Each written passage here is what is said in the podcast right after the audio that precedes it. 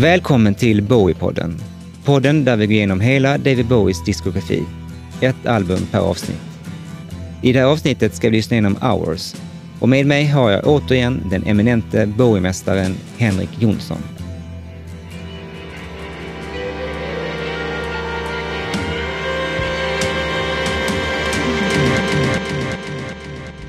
Hours är Bowies 22 album och kom i oktober 1999. Efter turnén som följde Earthling drog Bowie ner på tempot och ägnade sig istället åt andra projekt. Till exempel lanserade han sina så kallade Bowie-obligationer. En affärsmodell där han använde sin låtkatalog som säkerhet för ett lån på totalt 55 miljoner dollar. Pengarna använde han till att köpa tillbaka sina låträttigheter som ägdes av hans före detta manager Tony DeVries. Bowie sålde sedan hela sin katalog till EMI för 28,5 miljoner dollar. Detta säkrade visserligen Bowies ekonomi, men han tappade också det musikaliska momentum han byggt upp med One Outside och Earthling-plattorna. Vägen tillbaka till musikskapandet kom 1998 i form av ett förslag från spelföretaget Quantic Dream som höll på att utveckla ett datorspel vid namn Omicron, The Nomad Soul. De ville att Bowie skulle skriva soundtracket till spelet, vilket han nappade på. Han till och med insisterade på att han skulle få figurera som en karaktär, vilket slutade med att han, gitarristen Reeves Gabrels och basisten Galen Dorsey finns med i spelet som det virtuella bandet Dreamers. Mycket av musiken som skrevs i spelet hamnade sedermera på Hours. Bowie valde att skriva och producera plattan med Reeves Gabrels. De skrev det mesta av materialet på Bermudas, där Bowie numera bodde. Och eftersom Bowie hade begränsat med inspelningsutrustning skrevs materialet på akustisk gitarr som han spelade in på en enkel kassettbandspelare. Tanken var att de skulle spela in och producera skivan mer eller mindre på egen hand, utan allt eh, lullull som präglat de två föregående albumen. Men halvvägs in i produktionen bjöd man in Mark Platty för att spela bas. Men han skulle komma att bidra med mycket mer än så. Han arrangerade, programmerade och slutligen mixade hela skivan. Detta var något som irriterade Reeves som ansåg att slutresultatet inte levde upp till den potential som han ansåg fanns i deras demos.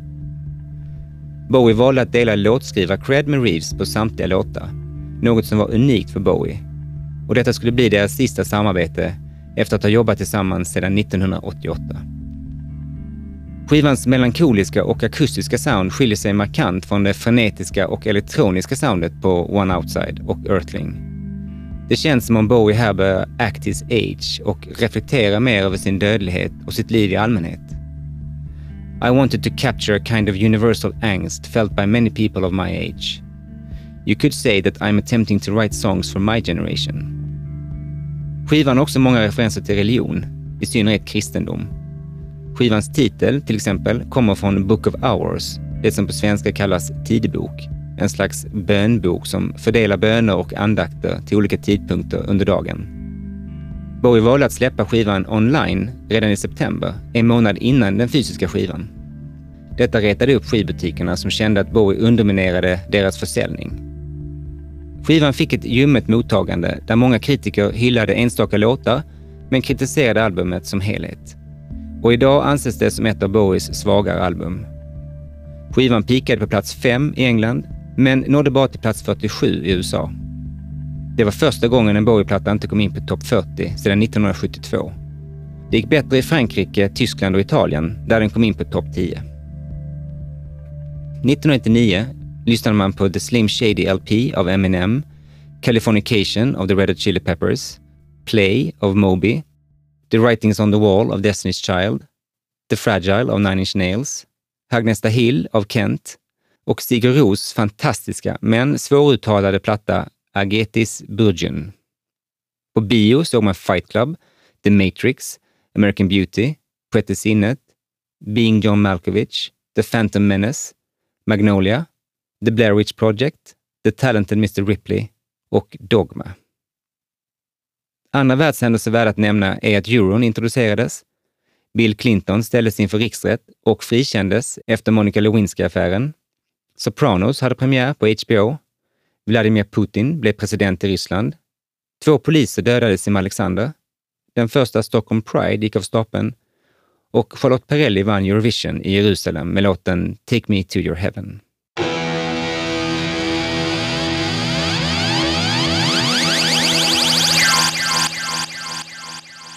Välkommen tillbaka Henrik. Tack så jättemycket. Tack. Är 90-talet din favoritera med Bowie helt enkelt? No, oh, Nej, men jag tycker att 90-talet är intressant för att det där, där, eh, den ligger liksom mitt emellan saker och jag gillar ju stora artister som har någon slags eh, uthållighet, consistency. Och jag tycker att eh, 90-talet är så lätt att stöka av när det kommer till, till Bowie som tillhör de här super eh, artisterna som han faktiskt var då på, på 80-talet och sen så, som blev någonting annat på 90-talet. De fick kämpa på ett annat sätt. Jag gillar ju även när de största kämpar. De gör låtar. De lägger liksom inte ner. De gör skivor. De försöker. Så tycker jag att de här skivorna har liksom ett värde och det värdet vill jag jobba lite för. Så därför är jag väldigt glad över att jag får de här två skivorna. Mm. Att sitta och prata Ziggy Stardust kan, det kan ju vem som helst göra. Nej, jag fattar vad du menar och eh, det, det, kan man verkligen inte anklaga honom för att han liksom eh, körde på sina gamla meriter under 90-talet. Han, han kastade sig fram och tillbaka och det har jag vant mig vid under den här resan med podden, att det är tvära kast mellan skivor. Och det är lite kul också för att förra avsnittet som släpptes i Bowie-podden var just Earthling, det vill säga skivan innan denna. Så det blir första gången som Bowie-podden kör i kronologisk ordning. Ah. Och det här är kanske det mest tvära kastet han gör i sin karriär. Det är, så, eh, det är ganska abrupt. Ja, och det är också en tid när, när det ska vara rent samtidigt som det är en, liksom en dystopisk tid.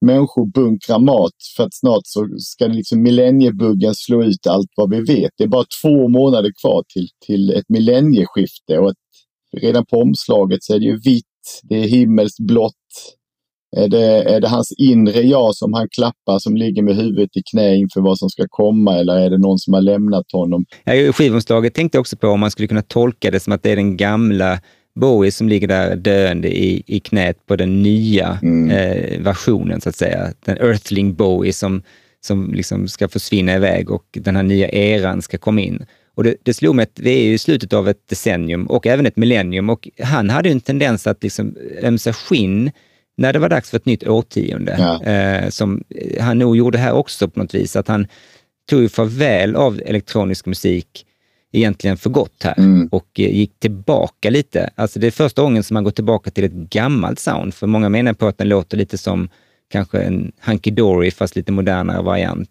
Och jag tänkte, vad fick honom till det just här? Tror du är det då att liksom man, man börjar se tillbaka när man har så mycket millenniumangst? Jag tror det och jag tror också, vilket vi kommer komma in på sen när vi, när vi ska lyssna på skivan, att det är också ett sätt att återigen försöka vara samtida.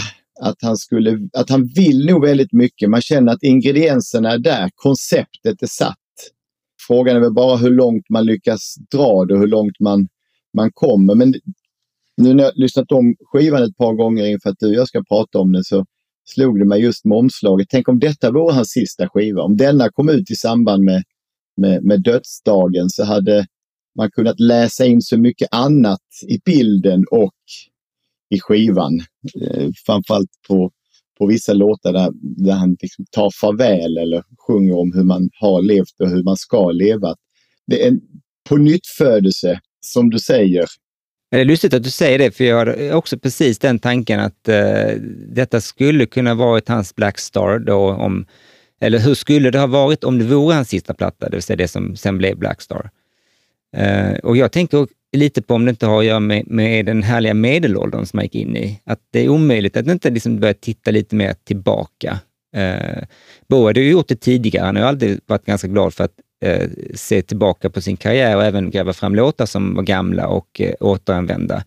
Men här på denna plattan känns det som att han har tappat allt intresse för att bryta ny mark. Mm. Eh, och jag tror att det var nog lite slitningen mellan honom och Reeves faktiskt. Att han då, Reeves slet ju det lilla hår han hade när han insåg att Bowie inte tänkte använda det här grymma livebandet som han hade liksom format under Earthling-turnén. Mm. Han ägnade sig åt webbsidor och datorspel och Eh, ja, jag tror att när han åkte till Bermudas för att spela in det här så hade han nog föreställt sig att de äntligen var liksom fria att göra precis vad de ville. Han hade egentligen kunnat släppa den här skivan utan skivbolag helt och hållet. Han hade ju en egen eh, distributionskanal i sin hemsida och sin internetkanal och behövde inte ta hänsyn till någon.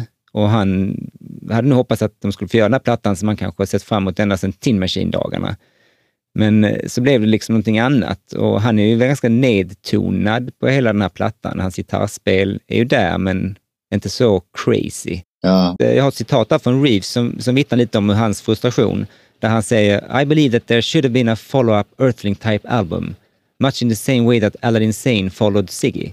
The music had evolved, the band was playing great, and the window opportunity, time-wise, was there. Mm. Det är lite naivt egentligen av Reeves att tro att de skulle göra ytterligare en elektronisk platta, för det är ju typiskt Bowie att göra ett tvärt kast och då blir det ju såklart en, en diametral motsatt platta mot Earthling. Mm.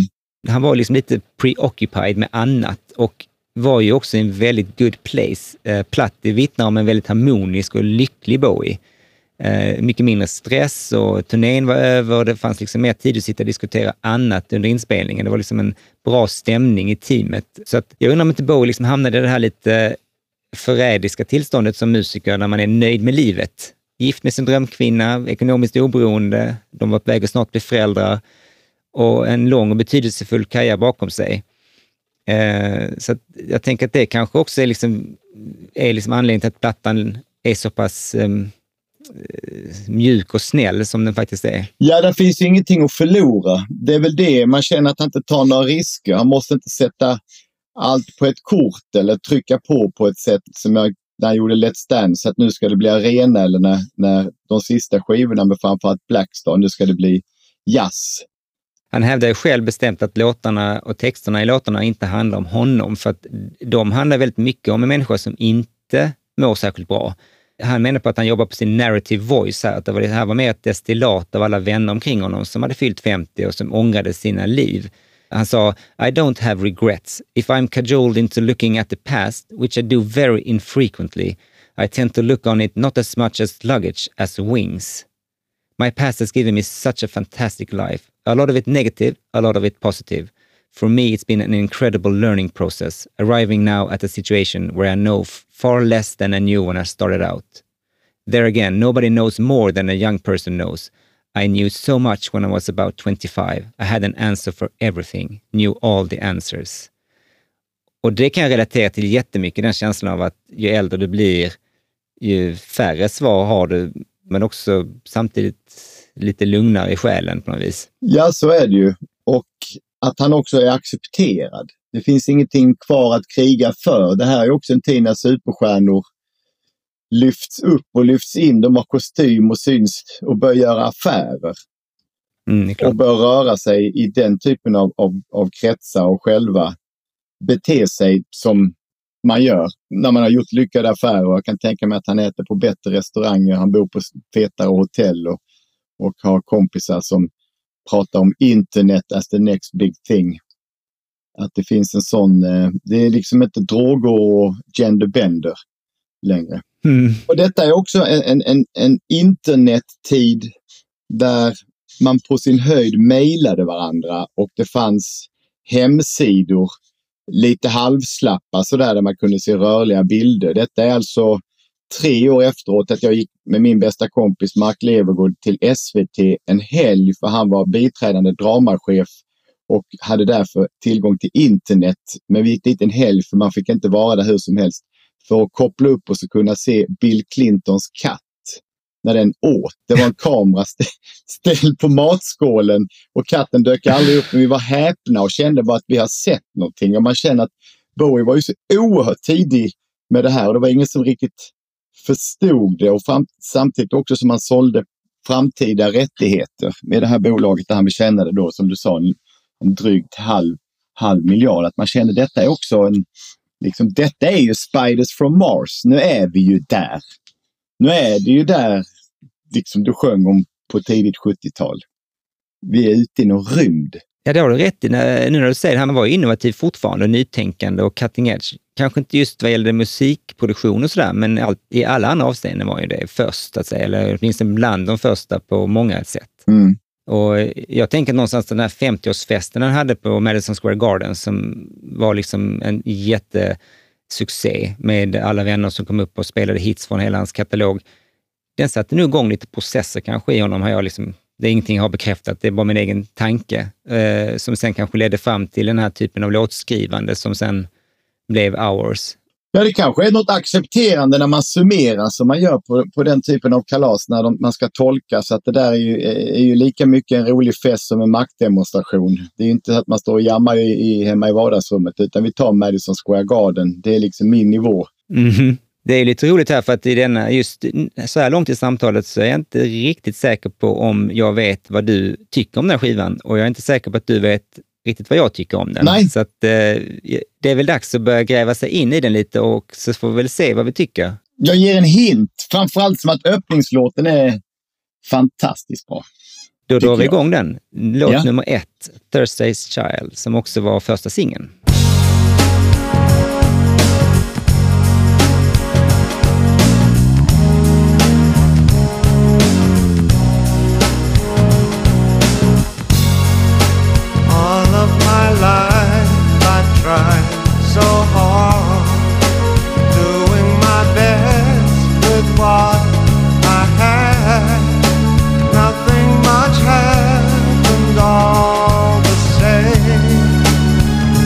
Alltså jag har ju ofta hyllat Bowies fingertoppskänsla för val av öppningslåt. Alltså som en slags, oftast blir det liksom en banger rakt eh, ut från the gate. Uh, här tycker jag i och för sig att han liksom lägger en rätt märklig låt som första låt. Om man nu ser att han ska få in folk i, i sin värld. Men å andra sidan är den ganska representativ också på skivan.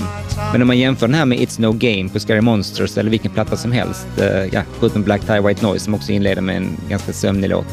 Ja, jag gillar den här öppningen. För mig så, så lovar den väldigt mycket. Låten svävar och han sjunger på, på ett sätt så att jag känner igen honom och lutar mig mot det han sjunger. Han vet vad han sjunger om. Mm. Och eh, synten, gitarren, det är polerat. Men det är också, vi ska, vi ska börja försiktigt. Vi ska börja med att tala om att vi vet vad vi håller på med. Mm.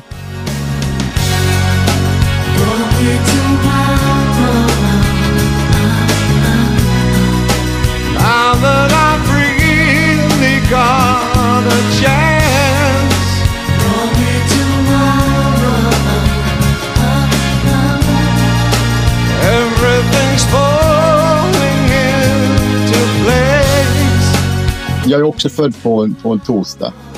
Så att jag känner att om jag någon gång ska, ska sommarprata till exempel, jag, jobbar ju med det programmet, så har den här liksom, låten, den ska finnas med i programmet. För jag tycker den har en, en sån där viskande öppning. Någon tittar fram bakom ett hörn och säger kom här ska jag visa dig någonting. Och så är det lite läskigt att gå runt hörnet.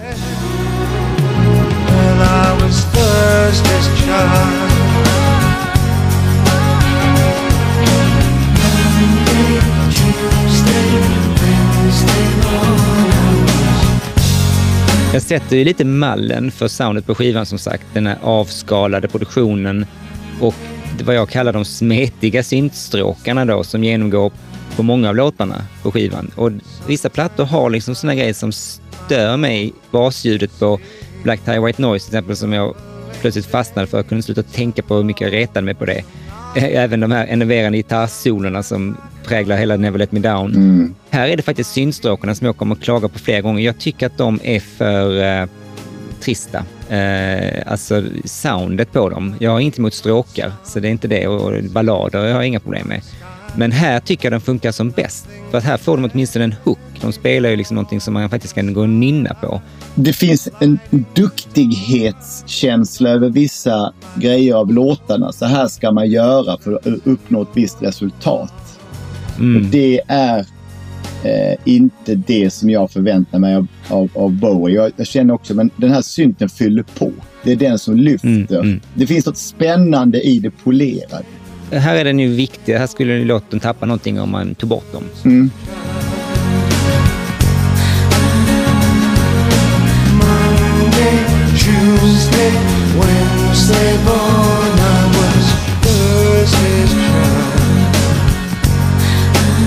tänk ändå vilken jäkla mindfuck det här måste varit för de som satte på den efter att ha lyssnat på detta eh, något år tidigare.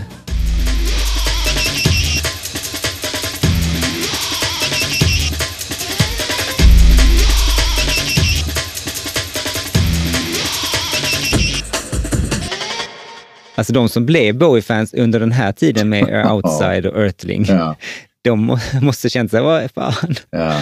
Nej, men precis. Det är välkommen till familjen. Det, det, det, det största Mm. felet du kan göra är att förvänta dig någonting. Och det värsta är Ja, om det blir exakt. som du förväntar dig så kommer du att bli besviken.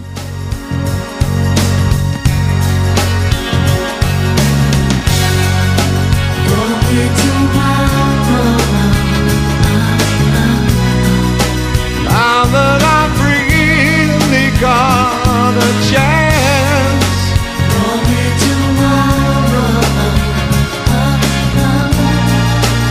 Men jag tycker också vi måste prata om eh, Holly Palmer som, som är den som sjunger i bakgrunden. Mm. Det är nästan som, som Leonard Cohen har, använder de här Web Sisters och haft kvinnliga sångerskor bakom sig. Att de, de får liksom sjunga sin låt, så sjunger han hans låt och så får de mötas. Och hon är, är ju med i hela låten, men det är ju hon som signar av den här låten på slutet. Medan han är den skötsamma så är ju hon så att man baxnar.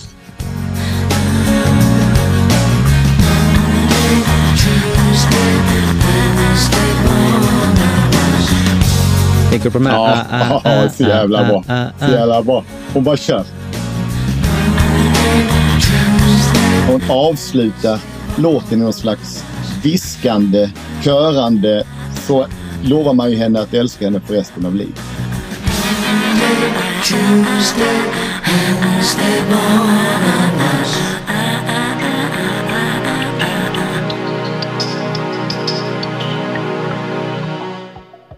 Kören är en väldigt stor del av soundet här. Eh, det kan man inte komma ifrån. Och, ehm, den här Holly Palmer då känner jag inte till alls, vare sig innan eller efter vad hon gjorde för någonting. Eh, känner du till storyn om den här kören, att han valde egentligen inte henne som första val? Aha, nej, visste inte. Han var helt bestämd att han skulle be TLC sjunga på skivan, Okej, shit. som ju var skitstora då. Ja. Eh, men, men det var faktiskt Reeves då som avrådde honom för att han skulle framstå lite som för angelägen om att vara hipp, om man skulle ta det hetaste eh, rb bandet just då. Och jag tänker att han kanske också var rädd för att det skulle bli en sån här Al B. Shore-fiasko som det var på eh, Black Tie White Noise. Ja. Så att det var faktiskt eh, Reeves som rekommenderade då Holly Palmer som var en vän till honom. Eh, och det finns en rätt kul historia om hennes audition, eh, att han bara ringde upp henne. Och enligt Gabriel så var då um, vad ska man säga, auditionen på telefon. Eh, so I called Holly and put her on speakerphone and David asked her to sing TLC's Waterfalls. And she did. And then he said, okay, now do it without vibrato. And she did. And then he said, okay, now do it with more vibrato. And she did. And he says, can you come to the studio right now? And she did. ja, det är bra. Sånt gillar man. Hon sjunger ju bara på denna låten, men hon var sen med i bandet som turnerade live Okej. eh, och åkte ut på turné. Men och jag, har bara, jag har bara kollat upp henne. Hon är en sån som har använts som körsångerska. Förmodligen för att hon är en sån som får artisten att, att framstå i bättre dagar utan att ta någon plats. Ifall, eller om de hade då släpat in Lisa Left Eye Lopez från TLC så hade ju studion exploderat och hade blivit någonting annat. Det hade blivit mer av en duett. Liksom. Ja, det hade det absolut blivit. Enligt eh, Plattis så hade Bowie först tänkt att kören skulle sjungas av eh, Plattis sexåriga dotter Alice. Han ville ha en barnkör på den här delen. Okej, ja, det hade varit läskigt. Eh, och de frågade henne, men eh, hon vägrade sjunga med grown-ups. Som eh, sagt. Det kan man tänka sig en sexåring som liksom inte går med på vad som helst. Eh, men enligt vad jag har hört så ångrade hon sig bittert efteråt när hon då fick se Holly Palmer på turné. Att han hade faktiskt två rätt dåliga idéer här som inte är likt honom. Nej, verkligen inte. Barnkörer ska man alltid ta det försiktigt med. För blir det gulligt så blir det ju tråkigt. Och det finns ju inget som är så läskigt i en låt som en barnkör. Lucky old sun is in my sky. Nothing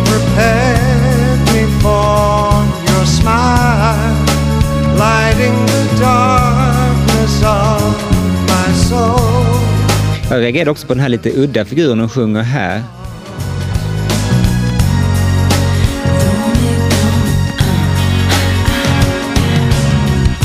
Jag- undrar om hon sjunger Omicron. Ah, ha, ha. För att det är ju titeln på spelet. Ja.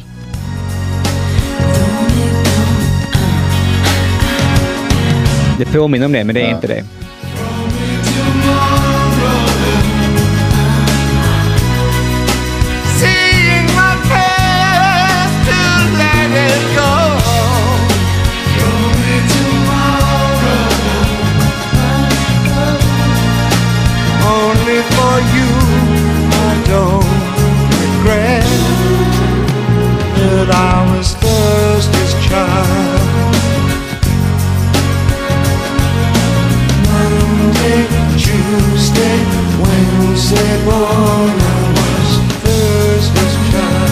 Inspirationen till titeln kommer från en självbiografi av Eartha Kitt. Han var ju en väldigt stor läsare av, av alla möjliga typer av böcker och han hade då fastnat för den redan som ung. Eh, den, den här kom ut 1956.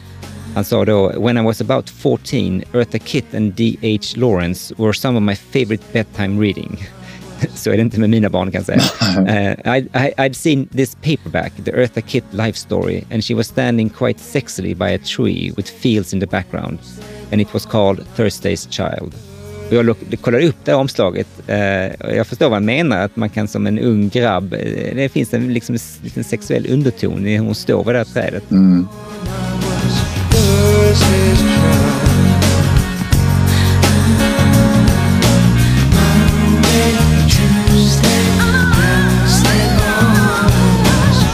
Sen har jag också läst att den bygger på en barnramsa eh, som jag inte vet vem som är upphovsman till.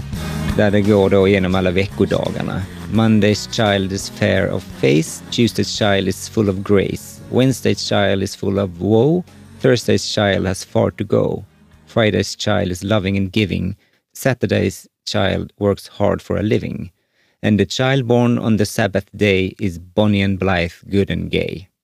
Bowie själv är ju född på en onsdag, så där har vi ingenting att hämta. Nej, men det är också den här veckodagarna med tanke på producenten som sen 13-14 år senare går med i The Cure, så har ju spelat Friday I'm in Love, där man också räknar, räknar veckodagar. Ja.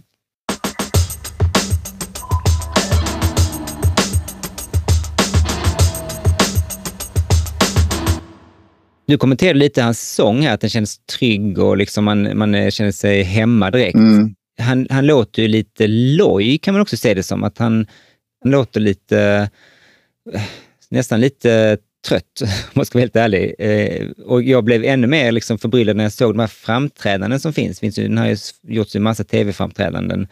Bland annat när han spelade på Top of the Pops med den här. Eh, jag har nog aldrig hört honom sjunga så illa. Asså? Eh, det ser liksom ut som att han inte gillade låten ens själv. Det var en jättekonstig känsla. Det liksom, han var inte ens pepp. Eh, Jag menar, visst alla kan ha en off day, men jag har inte sett honom ha det så ofta. Men det, jag kanske har fel, för att eh, 2001 så blev han nominerad för en Grammy då, för Best Male Rock Vocal Performance. Så att, eh, jag tror att jag är kanske i minoritet. där. Men det vanns då av Lenny Kravitz med eh, låten Again. Okej. Det, det är också en kul anekdot då, apropå att han spelar den här låten live ganska mycket på olika tv-framträdanden, så eh, spelar han ju den på Bingolotto. Ja, det var det. Det var en liten kul story. Lasse Kronér hade precis tagit över det här laget och eh, hans villkor för att göra det var att jag vill ha mycket mer inflytande över musiken i programmet. Han var en rätt stor musikfan, det kan man ju ana. Och eh, Lasse intervjuades långt senare om liksom det här, hur i helvete fick ni den bokningen? Och han kunde bara gissa att någon i hans team har nog bara tittat, vilket program har högst tittarsiffror? Och så kör vi på det, det är ju rimligt. De hade liksom ingen aning i hans team ju om att det var ett ganska töntigt program på ett sätt. Ju. Och eh, han spelade till och med två gånger för att han var tillbaka sen eh, på nyårsafton och körde en, en vända till. Men eh, det, det är faktiskt så att han- som var producent för programmet är en kompis med mig, Urban Eriksson. Han gjorde Mm. mycket på SVT och stora grejer och alltid varit eh, fri i tanken och helt orädd för att, för att liksom pitcha grejer som, som folk säger. Det vore ju galet, men jag kommer inte säga det för det kommer och jag kommer att sparka ut. Men Ubbe var den som hörde av sig till Bowie och berättade det här är liksom Swedens biggest Saturday show och det vore eh, kul om du kom och i Göteborg. Vi löser allt du vill ha och då har de ju sett då inom ett, man får fylla i vissa vissa liksom eh, parametrar. Så här, hur många tittare, när sänder ni, hur stor är kanalen? Och de kunde kryssa i alla de där så att han kom och körde. Det var ju, var, folk var ju upprörda. Men jag känner precis som, som det är så Bowie ska göra. Du ska ju spela på det som ingen tycker att du ska göra. Du ska göra det som ingen har gjort. Det är lite som Håkan Hellström på Allsång på Skansen. Men jag har ju sagt att jag är folkets man. Och helt Mm, plötsligt mm. kommer ett pärlband av andra artister som försöker framstå som progressiva. Men vad de egentligen gör är att de går bara in genom en dörr som, som den största redan har öppnat. Jag, jag visste inte om det när det hände. Jag var liksom detached helt och hållet från Bowies karriär och liv. Men jag vet att jag läste också, precis som du säger, många eh, samtida liksom upprörda röster om att det här är liksom dödsspiken eh, i kistan för liksom Bowie att kunna vara med i det här töntiga programmet. Men jag, jag tycker fan det är också lite, lite coolt. Det yttersta liksom formen av rebellion, att vara med i det töntigaste programmet och köra sin grej. Ja, verkligen. Och det är också sådär, vad har han att förlora på detta? Ingenting. Mm, mm. Han kan bara göra någonting som är nytt och provocerande. Och artister som vågar provocera sina egna fans får alltid en liten guldstjärna av mig. Man får liksom Mm. inte ta någonting för givet. När man är i den här åldern då, no more fucks to give-åldern, så är det helt, helt rimligt. Lucky old sun is in my sky. Nothing prepared smile, lighting the darkness of my soul. Innocence in your. Den här trummisen som spelar här, Mike Levesque, om man uttalar det rätt, han eh, spelar de här live-trummorna ovanpå en trumloop, vilket han gör på flera av de här låtarna på plattan. Och enligt honom själv så är det liksom trumloopen som står för svänget, medan han är mer liksom bara där för att hålla liksom ett backbone, hålla ryggraden i kompet.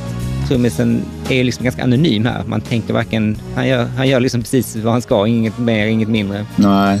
Everything's falling into place. From me tomorrow. Seeing my past to let it go. Och trots att det här var första singeln då, som jag sa, så var det en av de sista låtarna som skrevs till skivan. Alltså, klassiskt att man... Ja, när man vet vad det är för skiva man gör så är det lätt att trycka dit den.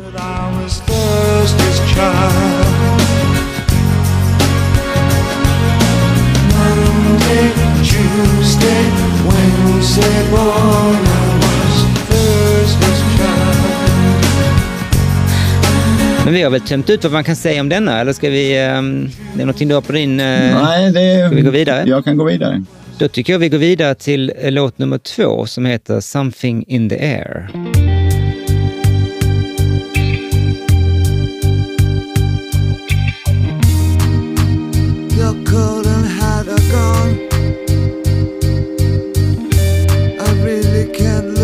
Your little empty shell.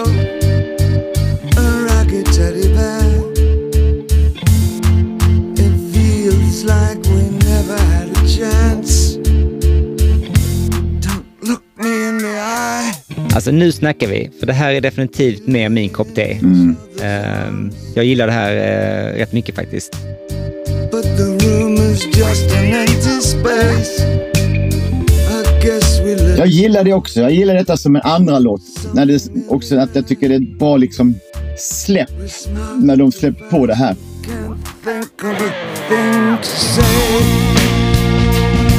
Live with the best times. Det finns det en melankoli och sorg i det här när han sjunger I've danced with you too long. With you too long. Nothing left to save. Nothing left to save. Och det är så vackert. Let's take what we can. Let's take what we can.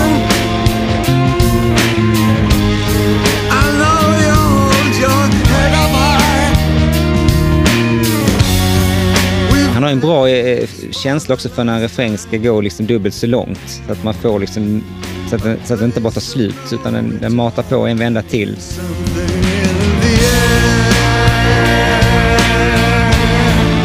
Ja, och det är lite dissonant det här när han håller ut tonerna. Jag tycker det... With you Han skrovlar i, i, i rösten. Håller momentumet här liksom.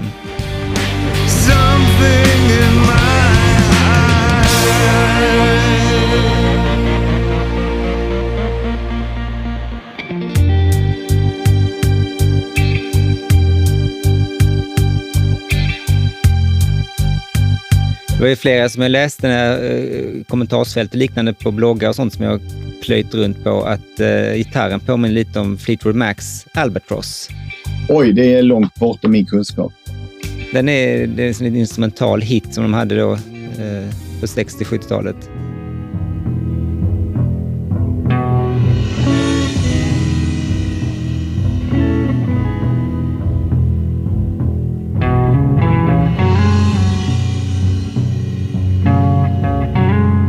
men sådana här liksom eh, klanger på gitarren som, som har ganska mycket space emellan och så liksom lite pumpande i bakgrunden. Ja, visst, det finns en viss likhet kanske.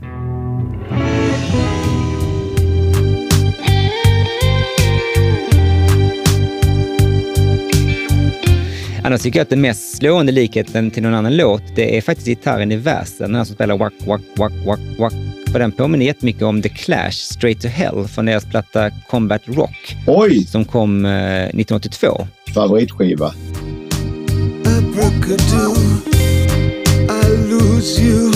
Och det kanske är lite sökt här, men det finns ju också en lite, lite roligt att han sjunger ju faktiskt The Clash i låten då. We can avoid the clash. Aldrig tänkt tanken.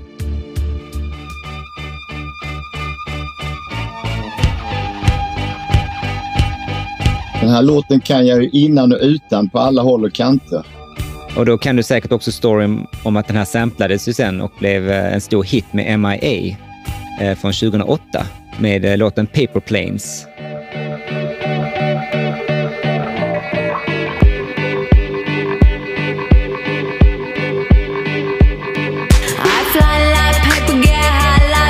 If you catch me at the border, I got visas in my name. If you come around here, I'll make 'em all day.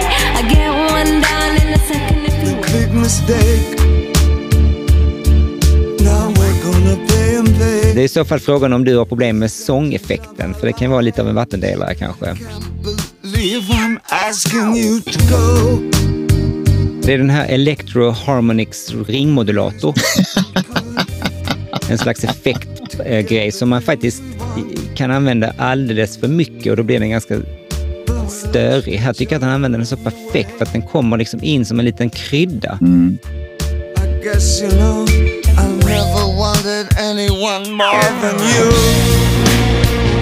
Eh, det är lagom, för det är ganska torr och rätt lågt mixad sång så att man kan nästan höra den liksom utan att tänka på det. Och sen när man väl är fokuserad på det så kan man fascineras av hur det liksom adderar den här lite robotstilen på det. Är, nu är det autotune som ligger på var och varannan hit så är man lite mer van vid det.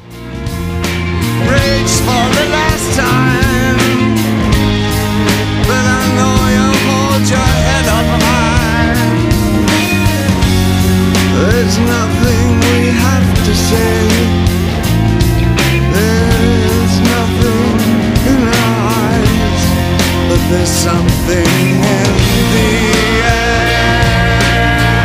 Bowie själv kallar den för “probably the most tragic song on the album”. Ja, Och hela sida A är ju väldigt, eh, ska man säga, deppig och vemodig. ja.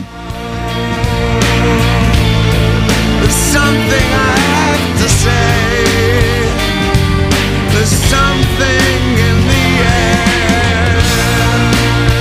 Jag ser det som att det är liksom som en slags obduktion nästan av ett förhållande. En man som förklarar för en kvinna att han vill älska henne men han vet inte hur han ska göra det längre. Ja, men det är exakt. Det finns en acceptans i att vi vill ju fortsätta, men det går ju inte. Och här är varför. Vi har ju dansat för länge och det finns ju liksom inget kvar att spara på, så nu kan vi liksom ta vad vi kan.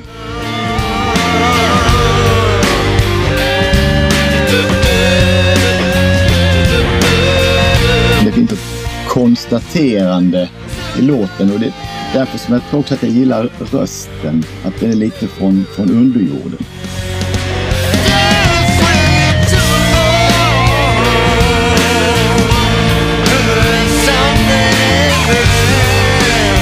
Ja, här kan man ju faktiskt inte klaga på Reeves här. Han spelar ju bra och eh, smakfullt.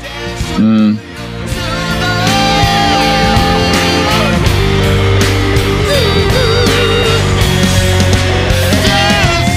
Slutet på låten här läste jag då mig till är en referens till eh, titelspåret på Annette Peacocks album som heter I'm the one från 1972.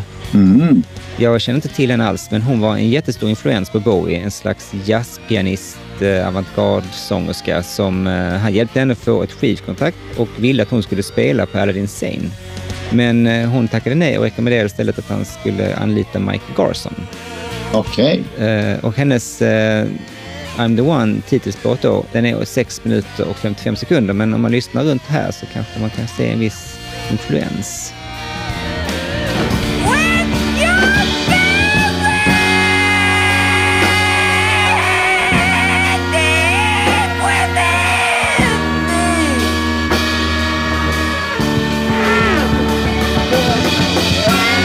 tar i från tårna i alla fall.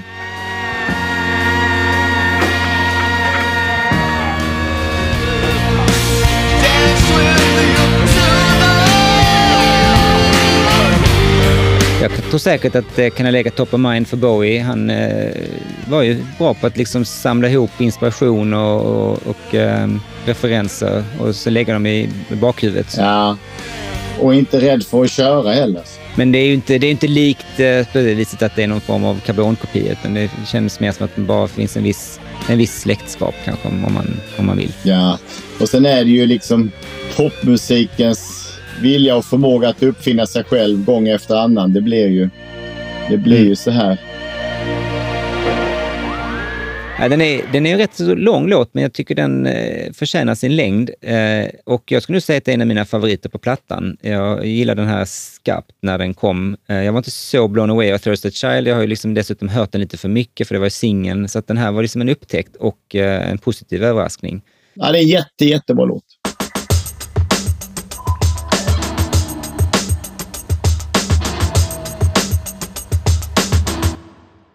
Eh, Mark Platty då gjorde en remix på den här som eh, användes över sluttexten till eh, American Psycho som kom 2000.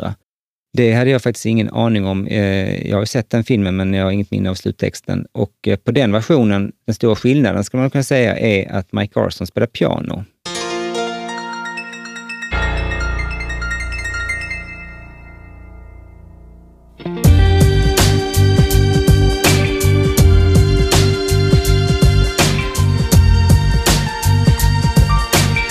Så det är egentligen lite samma, fast lite mer elektroniska trummor och eh, Mike Garson som halkar runt på pianot i bakgrunden. Mm.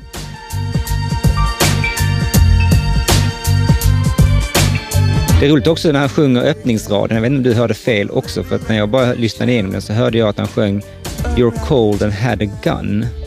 Men han sjunger egentligen “Your coat and hat are gone”.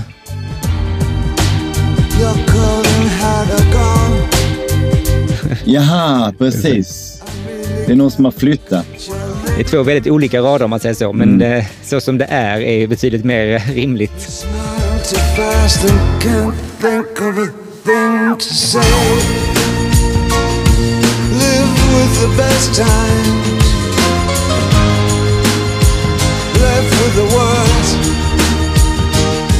Jag hade gärna sett Mike Garsons piano på originalet faktiskt. Ja, Det, det är en rätt bra grund för honom att liksom breda ut sin rätt så eh, extravaganta spelstil Ja. på.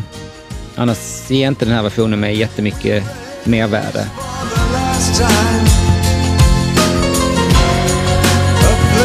Lite nästan ABBA här i bakgrunden också. Tadam, dam, dam, dam, dam, tadam. Ja, det vill man kanske undvika lite. Ja, precis.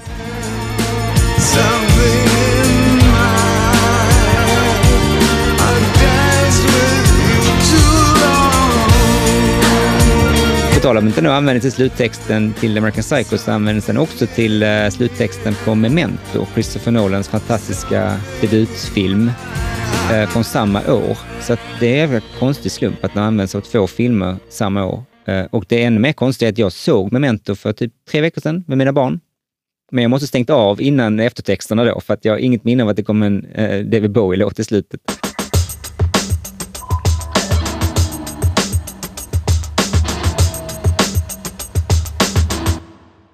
Det här var i alla fall en av de här eh, åtta sammanlagt eh, låtarna som skrevs till Omicron-spelet, men användes då till, eh, i spelet och på skivan. Så att, eh, den har ju sin ursprung därifrån. Mm. Eh, men med det sagt så kanske vi ska gå vidare och se om vi kan bibehålla den här eh, glada stämningen eh, till låt nummer tre som heter Survive. Och det är också den tredje singeln faktiskt.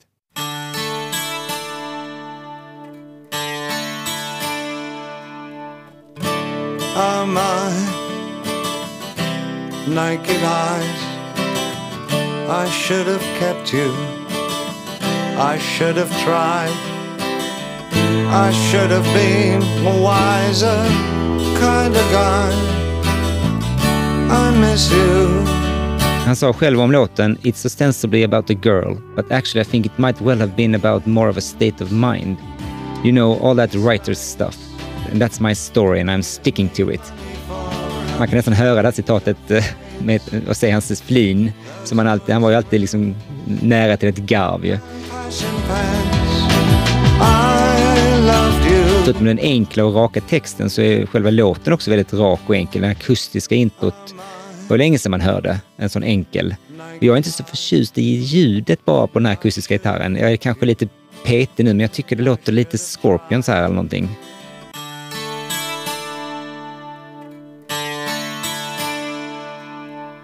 Jag håller med dig. Det är inte, det är inte den akustiska vi kommer föra lite senare. Det här är något, eh, det här är något sånt där snyggljud. Det är som att gå in i en modern butik och bara ta ett plagg som man vet att det är ändå modernt.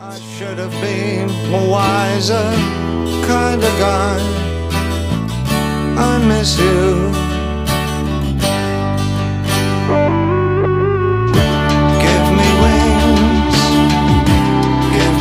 Däremot är jag rätt så förtjust i ljudet på sologitarren. Det är liksom när man har en wah-wah-pedal och sätter den i ett visst läge och bara lämnar den där, då blir det som ett filter och då kan man hitta sån där sweet spot där det låter sådär liksom lite eh, ja, smalt på, på ett sätt som är ganska coolt.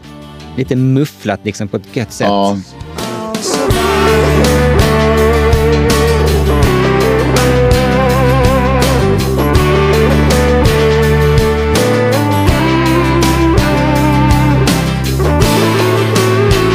Sen så kanske den här gitarrräkaren som kommer här är inte riktigt min grej. Det är ju typiskt Reeves att liksom eh, skita i det blå skåpet lite. Ja.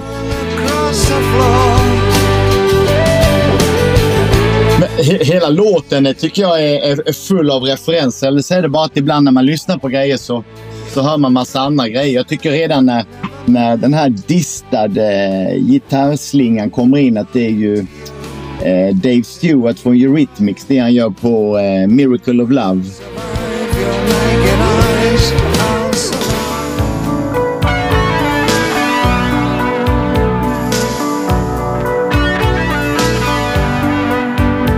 Ja, nej men det har du rätt i kanske. Jag, jag har inte tänkt på det alls.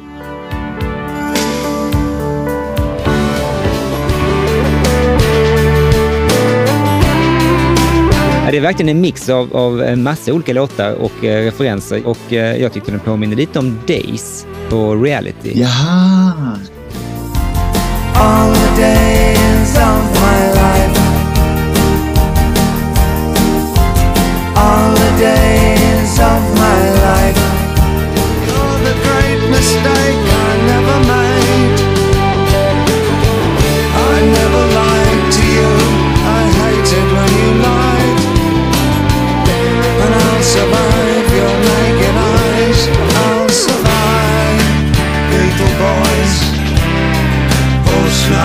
han skriver så här enkelt och rakt, att han bara sjunger rakt ut I love you. Att det, liksom, det, är, det krävs ganska mycket för att göra det så enkelt och inte platt. Nej, och det är ju nästan de grejerna som är de svåra att göra. Det är ju det som en Keith Richard gör. Han gör ju inget svårt i bemärkelsen att det gör ont i fingrarna eller det ska vara massa C-dur, cis-moll grejer. Utan det är bara att han gör det med själ och hjärta och med en trovärdighet. Som du säger, den enklaste av alla fraser att sjunga I love you. Eh, med trovärdighet. Det är enormt stort.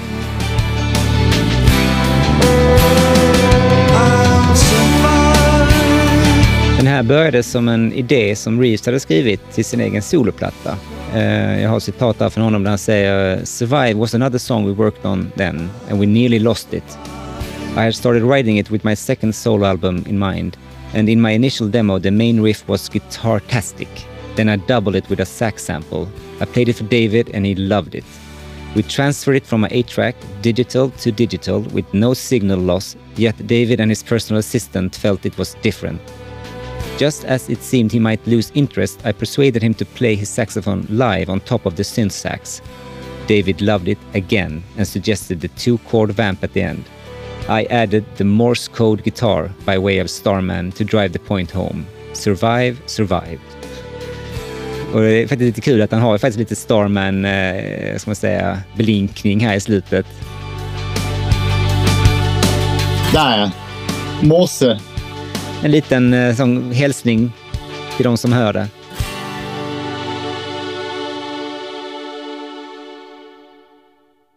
Ja, för låten egentligen är ganska fin. Jag hade önskat att han hade gått hela vägen ut och gjort den lite mer eh, som kanske då Space Oddity-plattan. Han skulle kanske haft Visconti med här. Ja. De hade ju tagit upp kontakten igen och, och skulle jobba ihop snart. Men av någon anledning så ringde han liksom aldrig honom här. Och det var väl lite för att han var otålig säkert och trodde väl att han och Reeves kunde fixa det. Ja, men här är hela skivan på väg in i något, något återhållsamt. Och det här, precis när du säger det, det är första spåren av att, av att inte löpa linan ut. Jag kommer att ta upp Mm. det i, i, näs, i, i nästa låt. Vad är det för någonting? Det är lite, Mm, det, det, mm. det, är liksom, man, det är bara till att stämpla på det och säga godkänt. Bowie-nivå Ja. ut. Nästa. Bowie by numbers, som någon skrev. Alltså det är liksom... Men jag, jag, jag måste säga att jag, den har vuxit lite på mig och jag, jag tycker om den här lite enkla kompositionen i botten. Det är bara synd att produktionen känns... jobbar lite emot den, trummorna och den bandlösa basen och så akustiska gitarrljudet. Så att, eh, Ja, och så har man så extremt höga förväntningar. Hellre att det är någonting än att man ska diskutera huruvida det är bra eller dåligt. mm, Att mm. det är någonting. Och det är det, det är det som, nu när vi pratar om den och bryter ner den så tycker jag att låten är mycket, mycket bättre än vad jag tyckte när vi började lyssna på. För den har alla komponenterna där. Men Jag har samma känsla faktiskt, att jag var inställd på lite mer, att jag skulle vara lite hårdare, men nu plötsligt så sitter jag och är ganska snäll. Jag vet inte vad det beror på.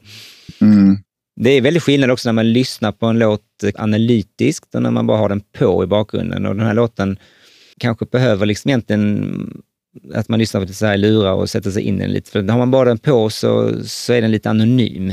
Den bara försvinner liksom in i, det, det är varken bu eller bä. Och det, det vill man inte känna med Bowie. nej. Mm, nej, men så att man, man känner så här, det här är bra, men det är inte... Det finns mer att ge och det är då man uppskattar liksom Visconti och, eh, och tidigare samarbeten där man känner att någon har klivit in och gjort Mm. någonting med honom eller de har Mm, hittat mm. någonting mellan sig. Han är ju en, en, en stark konstnär men också en, en samarbetenas man. Han hittar synergier av att luta sig mot andra människor. Men här, här, kom, här är liksom två stycken som jobbar duktigt bredvid varandra. De jobbar liksom inte med och mot varandra.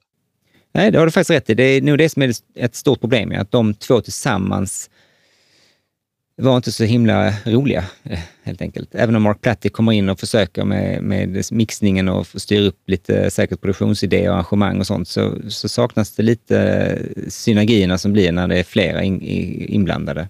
Mm.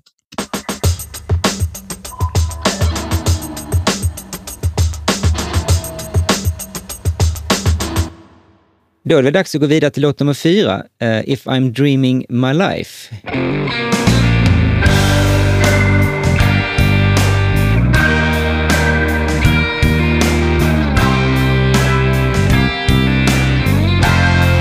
Alltså det här introt får ju mig nästan tro att det är en countrylåt vi är på väg att höra. Mm. Country fast med Leslie Kabinett från Sgt. Pepper på gitarren. Ja. Was she never there?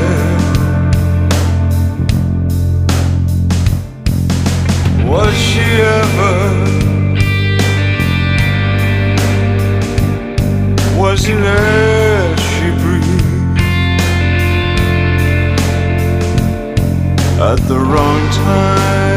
Jag gillar ju verkligen det här registret på Bowie när han sjunger i det här eh, lite crooner-aktiga, låga. Ja, man ser liksom att han håller i mikrofonen i mixtativ och står liksom och gungar lite grann och sjunger i den. Det är en publik framför honom. Ja, här är vi långt ifrån det där eh, Top of the Pops-framträdandet jag såg på eh, Thursday Child. Här, här känns han ju supernärvarande i texten och i leveransen.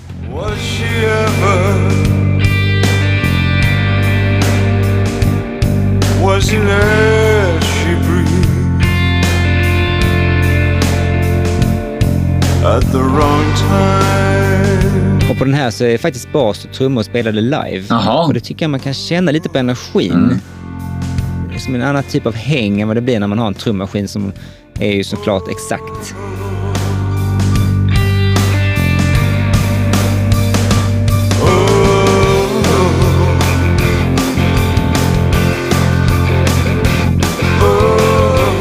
Det vi hör här på skivan är faktiskt mer eller mindre en live-tagning i studion med bara några få overdubs.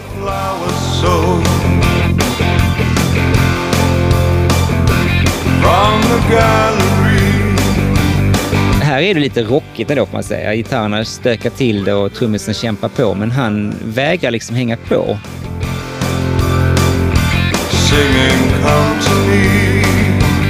Han, han håller sig lugn och liksom samlad, som du sa, med hårt grepp om micken. Han struttar inte runt här och, och tappar liksom fokus.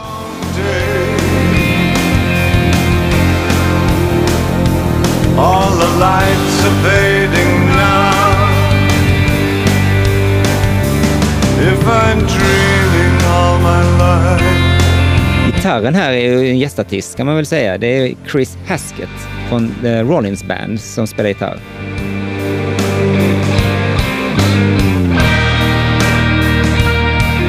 Och jag får lite vibbar av um, Neil Young när han är igång i liksom tonen han har valt. Uh, den här liksom lite ena handen på svajarmen och liksom ganska galet eh, spel.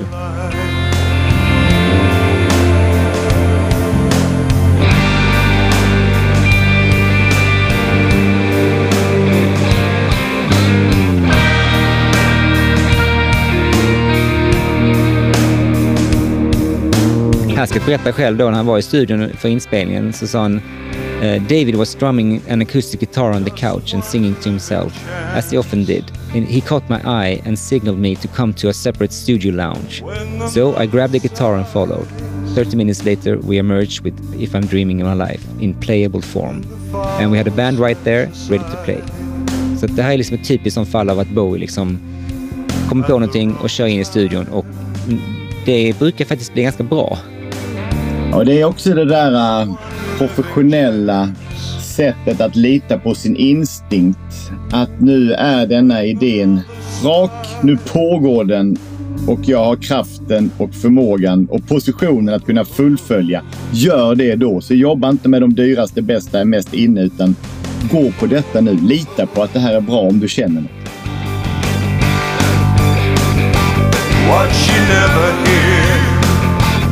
Det enda jag har lite svårt för här är då synten eh, igen. Som försöker härma soundtracket till Psycho har jag skrivit.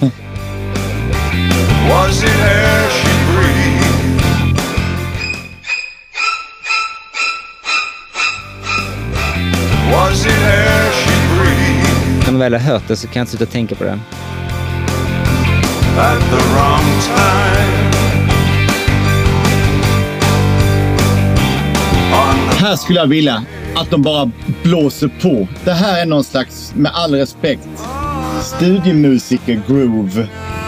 Eh, med stämda gitarrer och eh, sjubasade, sjusträngade basar och eh, allt är så jävla välstämt och polerat så förmodligen så går, liksom det är skrivet på noter. Gå loss på gitarren. Och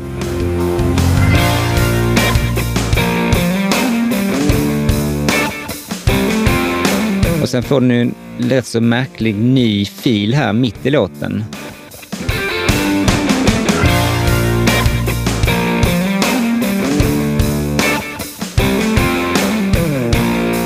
Det är kul också att den här eh, liksom, gitarriffen som kommer in är väldigt, eh, påminner väldigt mycket om eh, Under the Bridge. Ja visst ja, Red Hot Chili Peppers ja.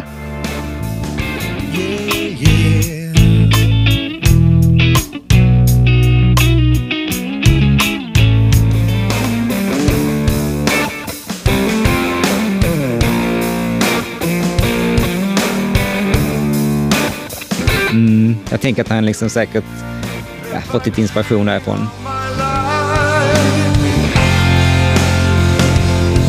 If I'm dreaming all my life away, dreaming my life. Eh, här kommer då ett breakdown och sen matar de ju på väldigt länge här nu i slutet.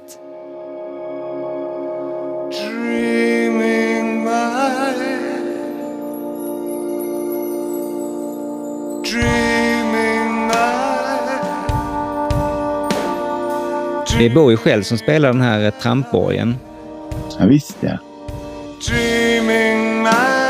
Den tycker jag är fin. Mycket hellre tramporgel än synt. Mm.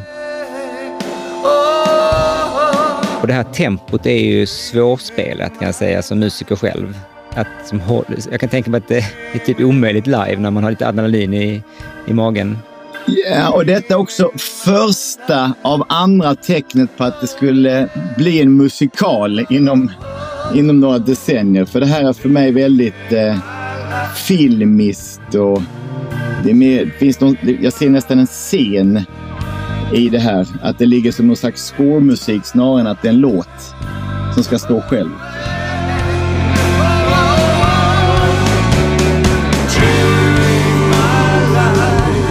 Ja, det är ju den längsta låten på skivan och jag vet inte om det är motiverat riktigt. Eh, den tar liksom aldrig slut.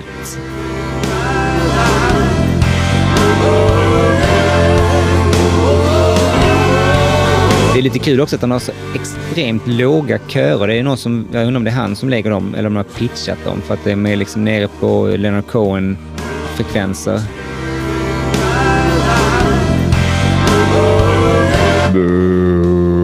Lågt i mixen liksom, riktigt långt ner.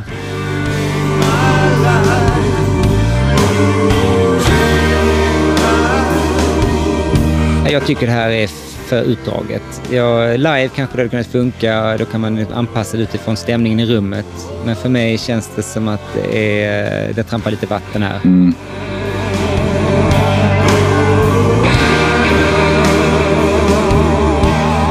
Vad säger du om outrot? Är det någonting som du liksom känner att eh, det är motiverat och det gåshudsvarning eller? Nej, de har inte fått med mig till den resan som denna utgången kräver. Jag är inte alls där. Jag känner mer att eh, gå vidare, gå vidare. Det finns ju en del låtar som man älskar när de håller på. November Rain med Guns N' Roses. Där är ju... Sluta inte spela snälla. Purple Rain med Prince. Bara fortsätt. Jag vill inte att det här får aldrig ta slut. Jag älskar att vara i den här låten. Men här känner man, sluta nu. Kan vi inte gå och fika någon gång liksom? Mm. Nej, men de har nog försökt sig på någonting sånt episkt och eh, ja, nej, de, de, de lyckas inte. Nej. Man skulle kunna motivera det om man har lagt en sist, antingen på sist på sida A eller sist på skivan. Men eh, nej, det är nästa låt faktiskt som är sista låten på sida A och det är låt nummer fem eh, som heter Seven. Det är fjärde singeln från skivan.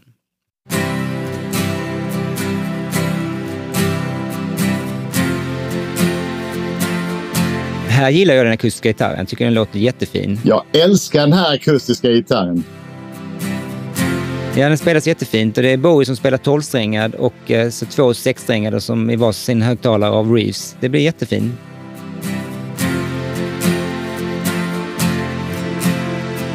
Jag bara hade önskat att man hade skippat syntmattan bakom.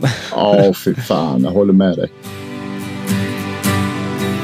Men den, den tar inte bort att det här är rätt så, så fin låt faktiskt. I forgot what my father said. I forgot what he said. Sen älskar jag när ackorden följer sången. Mm. Att han spelar det han sjunger. as we lay on your bed. A city full of flowers, a city full of rain. I got seven days to live my life, or seven ways to die.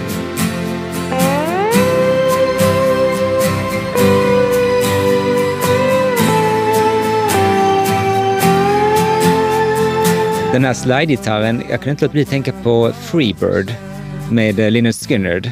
Ja, ja, ja, ja, ja.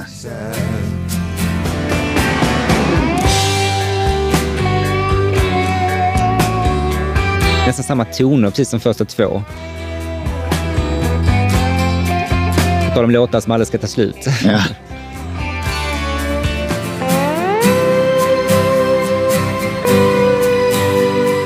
Och jag känner också att varje gång jag hör sån här slide-gitarr så tänker jag på George Harrison. Han var också himla glad för att dra fram sliden när han fick en chans. Jag är generellt ganska svag för slide-gitarr. Jag tycker det är jättefint. Mm. Det finns ju den här, åh det låter country och så. Och det behöver det inte alltid göra. Här gör det kanske det lite, men, men eh, jag tycker det funkar fint.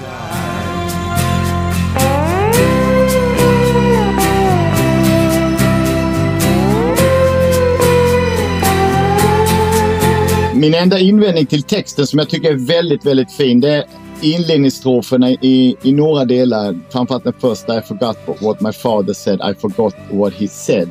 Att det finns ingen anledning att dubbla det. Man ska dubbla om man kan intonera det på ett annat sätt så att det får en annan betydelse eller att man måste göra det klart för övriga delen av Mm. låten. Och sen så är det likadant med Jag glömde vad min bror sa. Glömde vad han sa. Det är nästan lite slappt kan jag känna. Jag hade velat ha något lekfullt där eller någon motsats. Mm. I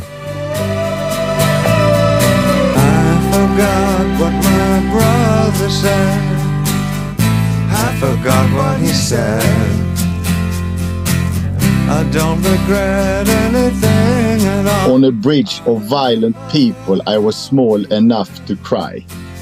On a bridge of violent people, I was small enough to cry. Det där är ju liksom... Man kan inte räkna ut de textraderna. Man måste få lyssna på dem om och om igen. Det här med att han nämner sin familj så här direkt i texten, det är många som tror att det verkligen handlar om hans familj. Han själv har ju alltid varit väldigt eh, tydlig med att det inte ska tas bokstavligt. Och jag har väl nog också tänkt att, eh, ja, det, det köper jag nog. Att, eh, han, är, han, han är en storyteller på den här plattan. Jag tänker inte att någon, någon av texterna eh, speciellt handlar om honom. Eh, kanske någon rad här och där, men, men inte dessa i alla fall.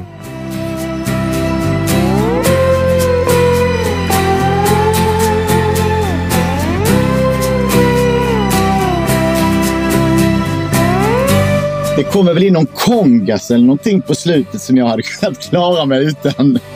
kom, jag på, kom jag på nu. The gods forgot they made me, so I forgot them too. Vem fan tog med sig kongas? Jag skyller på Everett Bradley här som var med och spelade, jag tror jag, kongasen. My heart was never broken. Det är ju inte det coolaste pålägget jag hört, det kan man säga. Det är sällan det är det faktiskt. Life. Kan du ställa dig i hörnet och smacka, spela lite kongas bara det inte hörs? Men vad fan, det hörs han ändå ju.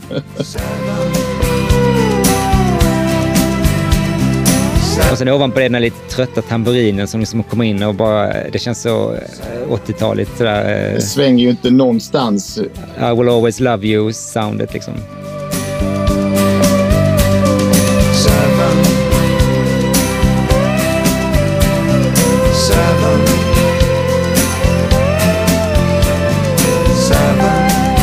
Den hade ju faktiskt trummor rakt igenom hela låten från början. Den? Men Bowie kände att det var fel och att, den skulle, att de skulle komma in i slutet. Och eh, det finns en demo på den som jag hittade där man kan höra den lät eh, då när trummorna var med hela vägen.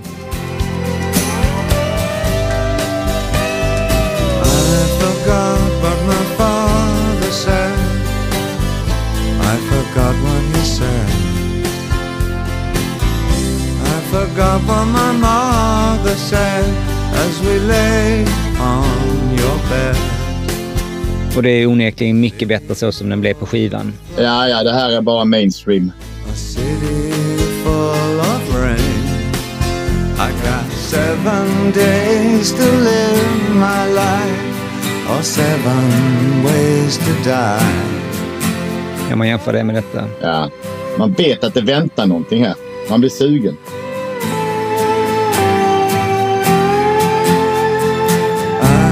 Forgot what my brother said. I forgot what he said. Ja, jag tycker det är en jättefin låt. Den har också den här tydligheten. Den har börjat, den slutar. Det är någonting den vill någonstans. Till skillnad från låten innan som aldrig tog slut. Men den här finns något distinkt som jag tror det är gitarren som, som eh, driver honom framåt. I got seven days to live my life, det här vittnar lite om hans buddhistiska inställning till livet just som han hade genom, ja, ända sedan han var ung, när han upptäckte buddhismen. Uh, seven days to live, seven ways to die. I'd actually reduced that further to 24 hours to live. I'm very happy to deal and only deal with the existing 24 hours I'm going through. I'm not inclined to even think too heavily about the end of the week or the week I've just come through. The present is really the place to be. Hmm. Ja, där är han ju inte ensam om, de här, eh, om den tanken. Och den är ju lättare, lättare sagt än gjort ju. Och kanske lättare när man har en halv mille på banken.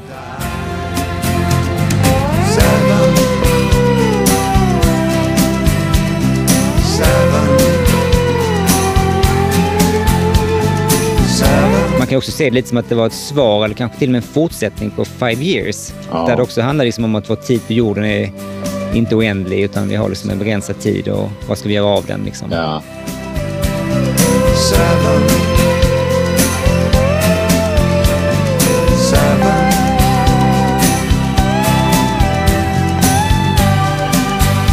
Den är en fin låt. Den skulle kunna varit med på Space Oddity, slog mig. I sin, i sin style liksom. seven,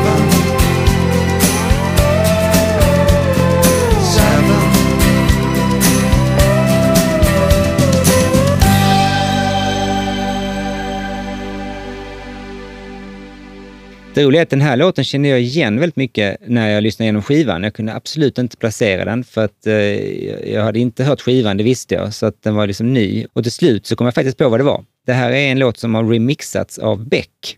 Jaha. Han har gjort två remixar på den och de har jag lyssnat på ganska mycket av någon anledning. Så det är märkligt när de kom alltså.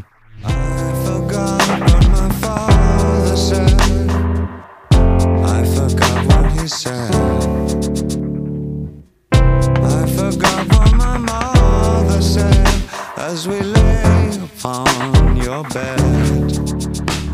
A city full of flowers, a city full of rain. I got seven days to live my life. Aldrig hört den här. Or seven days to die. Det låter ju som en typisk remix, det vill säga man hör att liksom inte den är skriven så här. Men jag, jag är liksom vant med den här versionen så jag tycker den är ganska skön. Det tog lite tid för mig att vänja mig vid originalet faktiskt. Och nu tycker jag att de kan samexistera på något vis.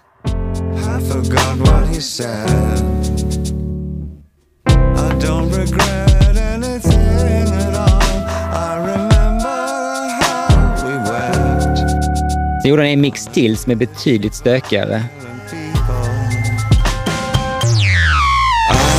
Forgot what my father said. I forgot what he said.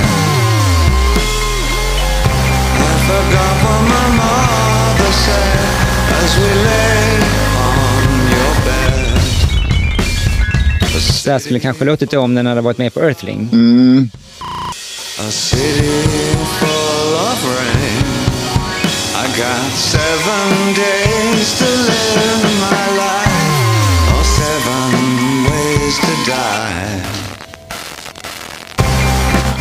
det här låter mer för mig som att vi har jävligt bråttom till deadline. Alla går in i studion, gör något. Vadå? Vad fan som helst. Mm, mm. Jag tror det är ofta så med remixar. Man får jobbet och så tar man det. Sen plötsligt kommer man på, fan du, vi skulle levererat det här igår. Ja. Ah, Okej, let me see what I can do. De är oftast, det är lite som gitarrsolon. De är nog roligare att göra än att lyssna på. ways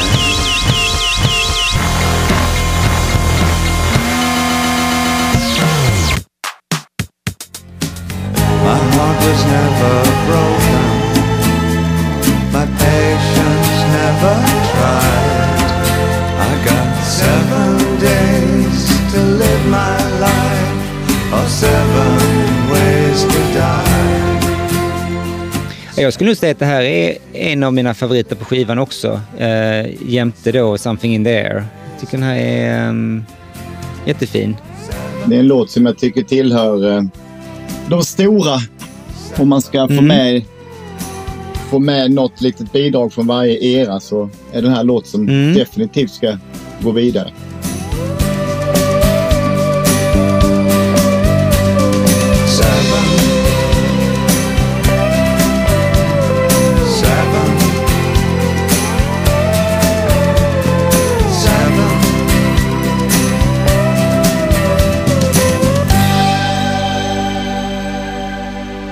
Och då vänder vi egentligen sida här då, inte för att man gjorde det på den tiden, men går in på första låten på sida B. Mm.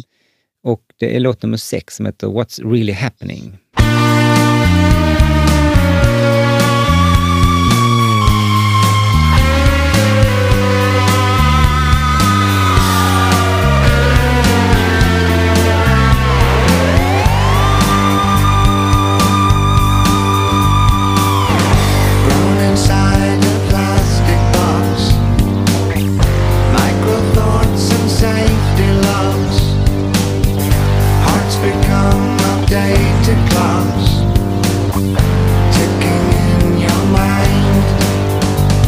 Det här är då entré för den rockigare sidan av plattan. Mm. Vilket inte gör mig gladare tyvärr. Uh, lite bekymrad. Kanske titeln säger allt som behöver sägas. Vad är det som pågår?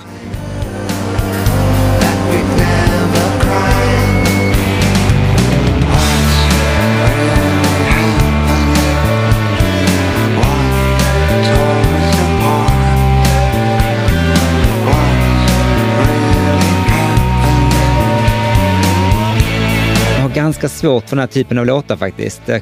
Det, är mycket här som inte riktigt funkar för mig. Ja, det känns som att den går för sakta. Wow, wow, wow. Ja, det är också en sak jag inte tänkt på. Det är en sak till på listan. Det är melodin och de här gitarrackorden som liksom, och körerna. Det är verkligen tråkigt.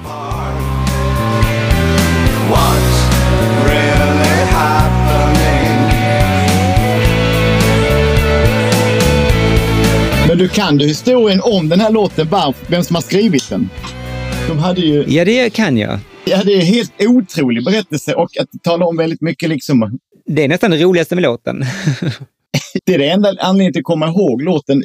Jag bara tar det kort som jag har hört så får du göra det. Men, men det vittnar Mm. ju om, om en idé att internet som vid den här tiden då är på gång, att det ska bli något. Men vad ska vi ha det till? Det var ju den stora frågan. Man visste liksom att det funkar, men, men och då utlyser väl Bowie en tävling på nätet att ett fan får vara med och skriva en låt. Och det är väl den här låten. Man kunde vinna typ 15 000 eh, dollar i något skivkontrakt.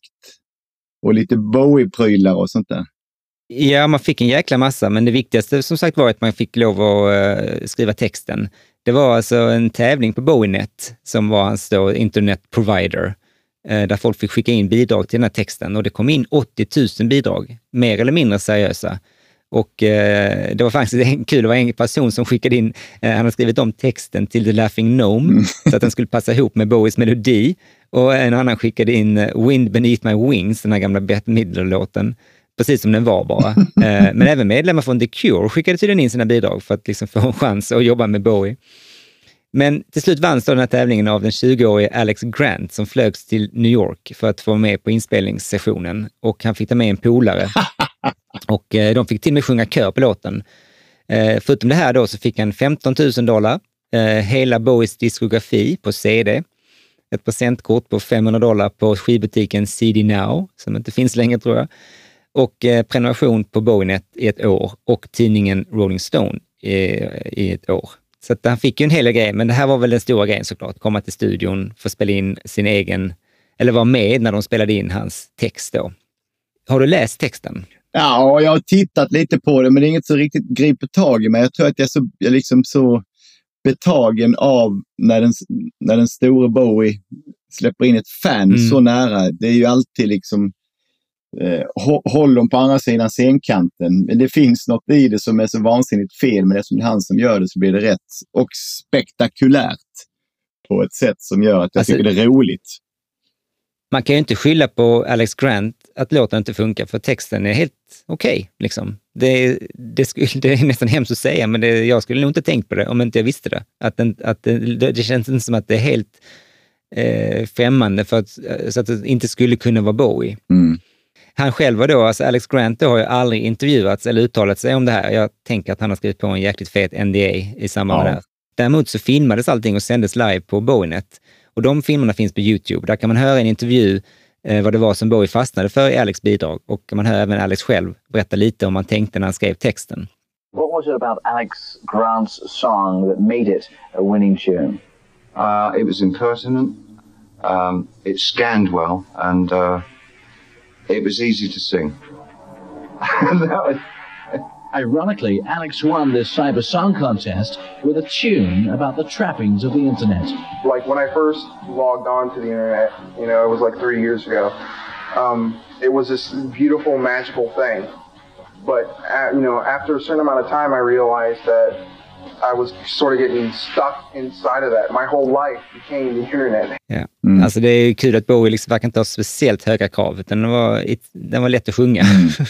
låten gör ju jobbet i bemärkelsen att eh, att den, den kommer att dra åt sig uppmärksamhet till hela skivan. Så att, då, jag vill inte Mm. säga att de vaskar en låt för att de har nog gjort sitt bästa hela vägen. Men det är väldigt, det finns ju också något infernaliskt i att du får göra allt detta men du får aldrig prata om det.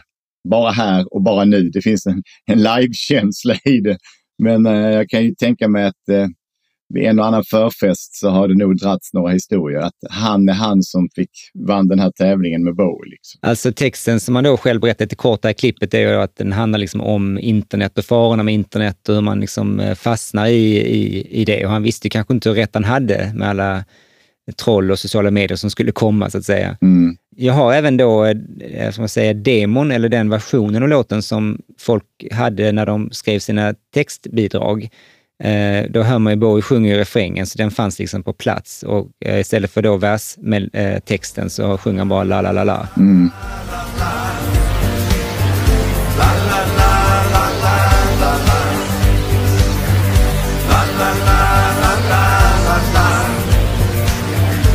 Så det här är vad man hade att jobba med.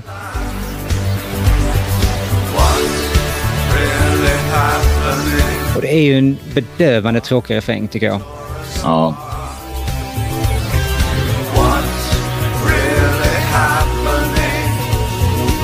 Alltså jag kan inte ens avgöra om detta är demosång som bara sjungs in för att visa ungefär idén eller om det är den som faktiskt är på skivan.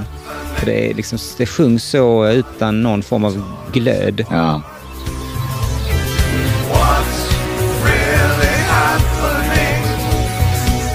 Jag fattar att det kanske är meningen, så det är jag som kanske har fel. Men för mig blir det liksom, eh, det blir platt på alla plan. Mm.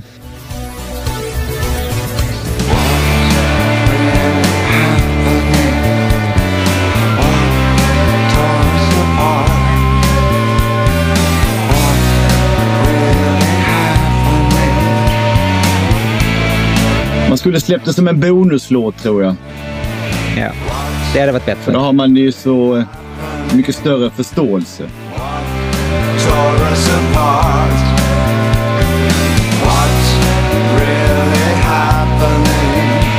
Ja, det låter lite som en person som inte kan sjunga som liksom lägger sån här slasksång till sångaren. Så här har jag tänkt mig. Mm. Gör det här fast bättre. Och det, det är så konstigt för Bowie är en fantastisk sångare. Så jag, jag, blir, jag blir fan inte klok på det. Mm. Ehm, jag kan tänka mig att alltså, hela idén till det här ganska vad ska man säga, radikala sättet att liksom använda internet, det kom nog av datorspelet, alltså Omicron. Att det var interaktivt och mycket av musiken skulle liksom användas i, i, eh, ja, ja, ihop med spelet och hur folk valde att spela spelet. Mm. Och det kanske var det som födde idén, att man kanske skulle kunna ta det hela vägen och låta folk vara med. Mm. Och eh, han var faktiskt inte först med den här typen av eh, samarbete med sina fans. Eh, 1993 så lät Todd Rundgren sina fans bli producenter på skivan No World Order. Genom att låta dem komma åt alla liksom, tracksen och ändra tempo och välja olika mixar och kunde till och med göra vissa takter a cappella eller lägga på gitarrer. Så att eh, det var liksom en helt annan nivå av interaktivitet. Mm. Eh, men jag har inte hört det alls, hur det blev eller vad som hände. Men man kan väl säga att det är inte någonting som händer särskilt ofta och jag tror att det beror på att det helt enkelt inte är en så bra idé. Ehm, och Bowie gjorde ju aldrig någonting liknande igen. Nej. Det säger kanske en del om hur bra idén var. Ja, nej men precis. Vi, nu har vi gjort det.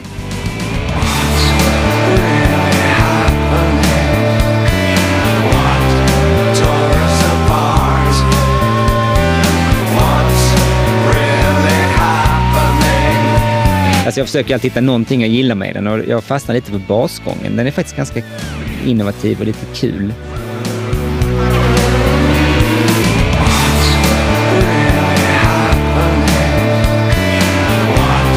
Ja, det är den som liksom går på ja.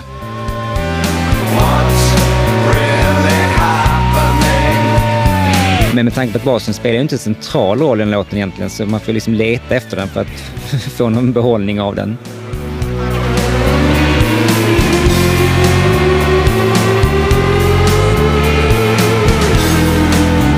Jag vet inte om detta stämmer, men jag undrar om inte hela låten faktiskt är loopad. Alltså runt 2.36 tycker jag man hör ganska tydligt att någon har bara kuttat upp och eh, dubblat det.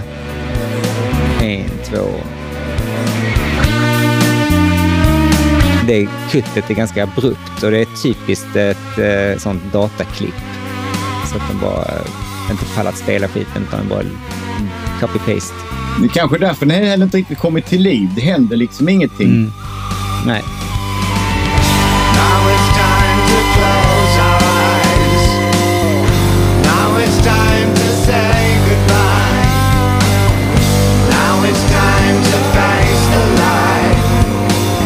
Och det är kul också att Alex Grant och han fick vara med och sjunga kör. Jag tror inte att det kom med på inspelningen. För det jag hörde på det här Bowie-net, det lät inget vidare. Alltså.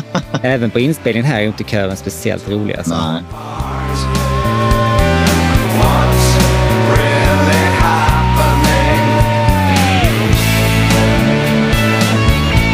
Ja, här är vi inne lite på um, lågvattenmärket på skivan skulle jag säga. Kanske kommer värre framöver, jag kommer inte riktigt ihåg nu, men uh, hittills skulle jag nog säga att detta är den jag har svårast för. Det är typ en sån här låt som inte får lov att definiera skivan, men det är väl den som är en av ursprunget till att det kallas för mellanplatta och sådär. Jag tycker att det finns jättemycket bra saker här, men det här är ju... Det här vill man ju på något sätt bara ska ta slut. Ja, och det gör den ju till slut, tack och lov. Den är 4 av 10, men upplevd tid eh, 8 av 10. Ehm, Men om inte du har något mer att tillägga så eh, kanske vi ska lägga den här till handlingarna och eh, säga eh, A for effort, men nej. Nej. Eh, det blev inte så bra, Bowie. Nej. Tyvärr, Alex. Då är det låt nummer sju som står på tur. The pretty things are going to hell.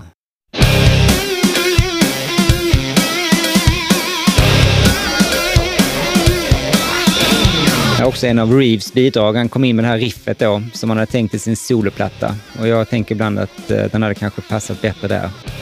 Det här riffet är, eh, ja, Men det finns liksom någon slags hyllning till riff. Och att de, alltså det här är ju en klassisk rock'n'roll-låt. mm,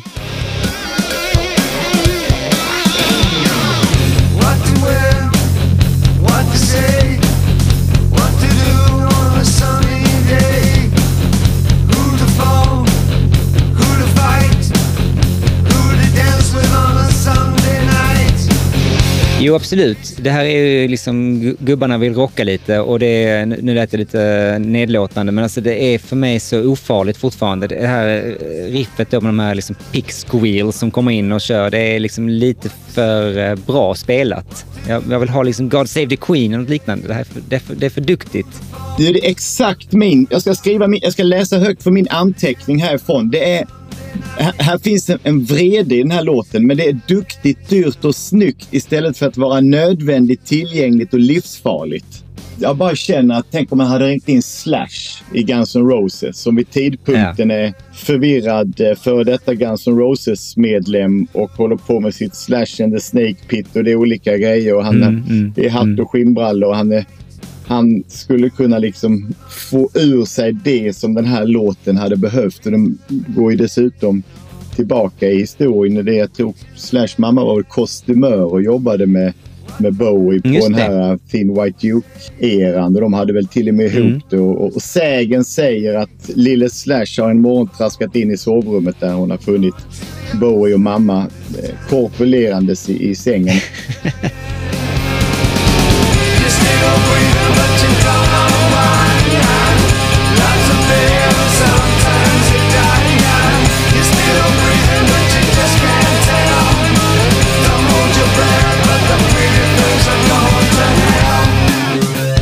Kanske det mest intressanta med hela låten är just själva titeln. För att det är liksom en mishmash av så jävla många olika saker. Uh, oh You Pretty Things från 1971.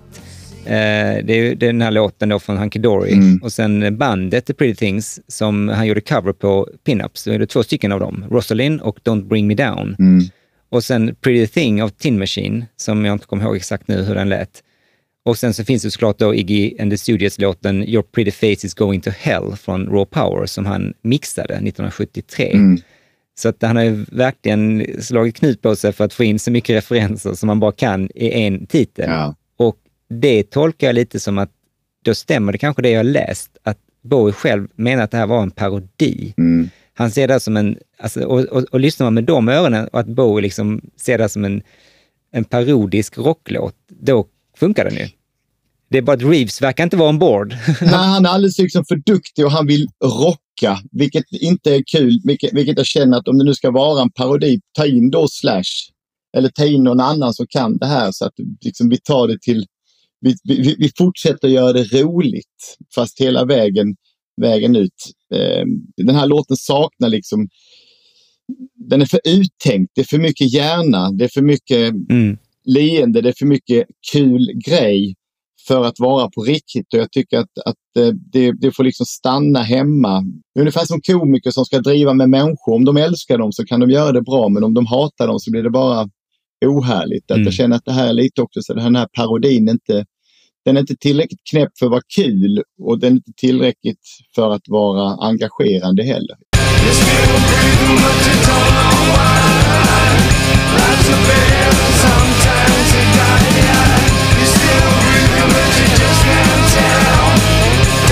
Den har vissa passager som faktiskt funkar om vi ska nu försöka hitta någonting positivt. Och de här spooky voices som kommer in här tycker jag är ganska coola i och för sig.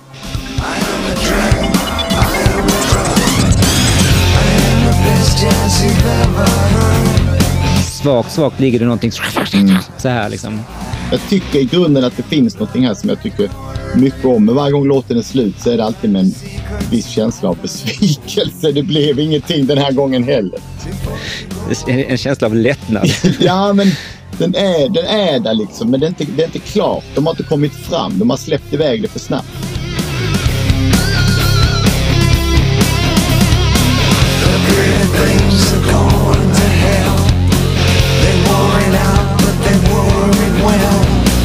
Nej, den vill liksom låta tuff, men för mig krävs det mycket mer för att det ska kännas tufft.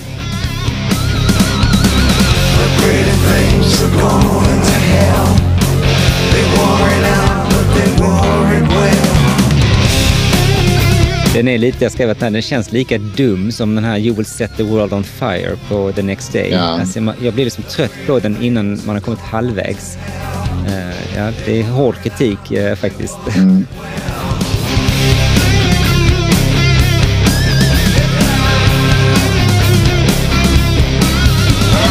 Sen så apropå då att den lät som eh, Iggy eh, Ja.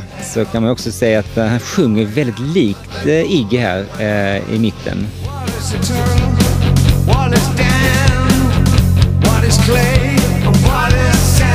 Alltså det låter nästan som att det är Iggy som kommer in och gästar.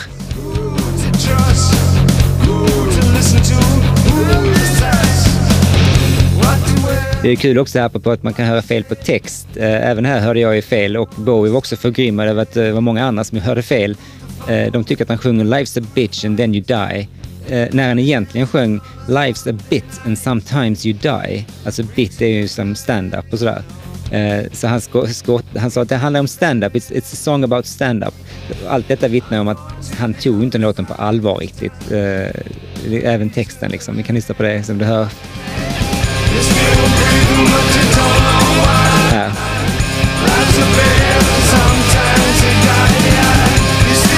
Han slirar i borden rätt mycket, men jag tycker att man hör att han sjunger Life's a bit and sometimes you die.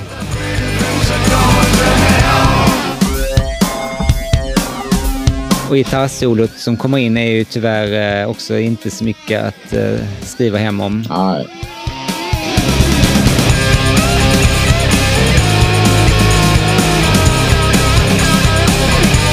Det är riktigt dussin-solo på någon afterski-klubb.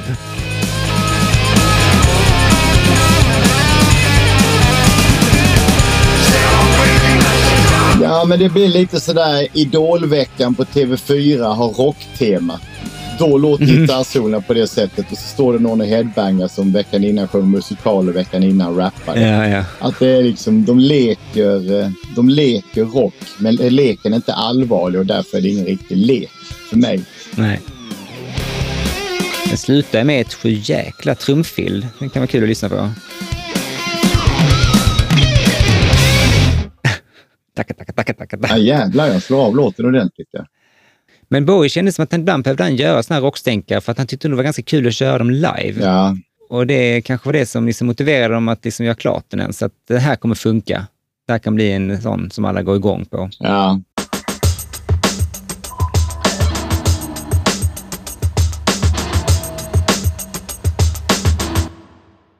Den här var ju tänkt som första singeln och jag är väl ganska glad att inte valde den.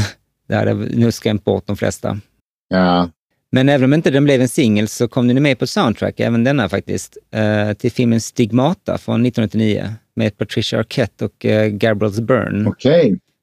Eh, jag har inte sett den, så att, eh, jag tror att det är en liten annan version dessutom. Ja. Men det är intressant det där liksom när det ska rockas av någon som har rockat och kan rocka och göra liksom tuffa grejer. Mm. Alltså bara inledningsackordet på Ziggy Stardust. Bap! Det är tuffare än hela den här låten. För det är, det är någon som är i, i knivslagsmål med sitt instrument och det låter så. Här är Mm. någon som Mm. inte ens har en cigg hängandes i mungipan. Jag vet inte om de vill att, de, att det ska vara slickt eller att det ska vara polerat eller vad det ska vara. Jag bara försöker sätta det i den tiden. Vi kommer liksom ut från någon slags arenarock, eh, britpopvågen, det svänger som fan om grejer och grungen är där som är så nedstämd och stökigt att nej, men vi ska göra det här liksom, vi ska göra det dyrt. Ja, nej, det är lite beklämmande att det, är liksom det här vi är nu plötsligt. Alltså Bowie gör preset-rock eh, för datorspel med mer eller mindre töntiga sångstrofer utan någon mening och, och otroligt löjliga gitarrlicks. Alltså, eh, det, det är... Ehm, Ja, det är lite tungt här nu känner jag om man jämför med eh, sida A. Mm. Så har ju liksom sida B eh, us down kan man väl säga. Mm. Ehm, Men jag kan nog säga att det ser lite ljusning i horisonten om vi går vidare. Mm. För att jag tycker, utan att eh, visa mina kort, så tycker jag att nästa låt eh, eh, lovar mycket i alla fall. Eh, låt nummer åtta då, som heter New Angels of Promise.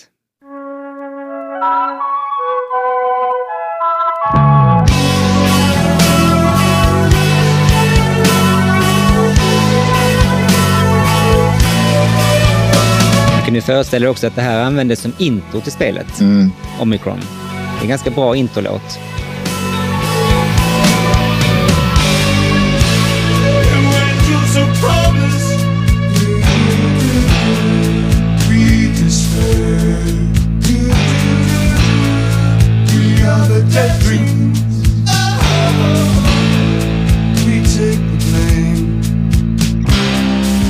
Ja, här har vi någonting som låter faktiskt lite intressant. Mm. Alltså melodin i versen är liksom så himla oväntad och catchy. Men det är lite från Fame-tiden. Det är lite elakt. Det är liksom cleant på ett rått sätt.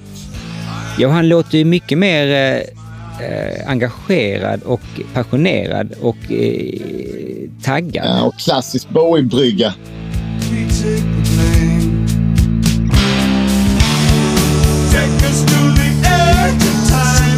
Pam, pam, Mm. pam, pam, pam, pam, pam.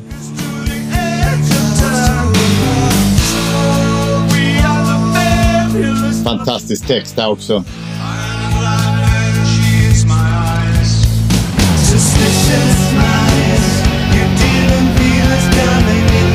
Som han sjunger, det är på riktigt. Och han kan sjunga om saker som man inte behöver förstå vad det handlar om, men ändå hålla med. Alltså man sjunger då We despair, vi förtvivlar.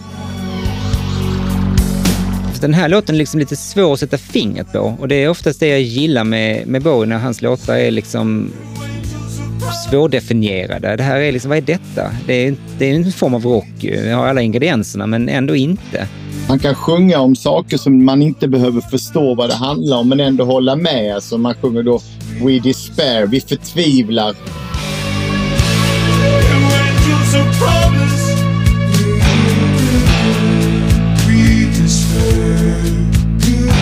We are, we are the dead dreams. Vi är de döda drömmarna. Vi tar på oss skulden.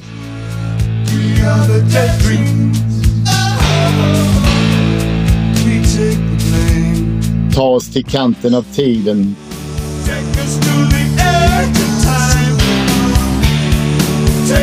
Vi är de eh, fantastiska älskarna.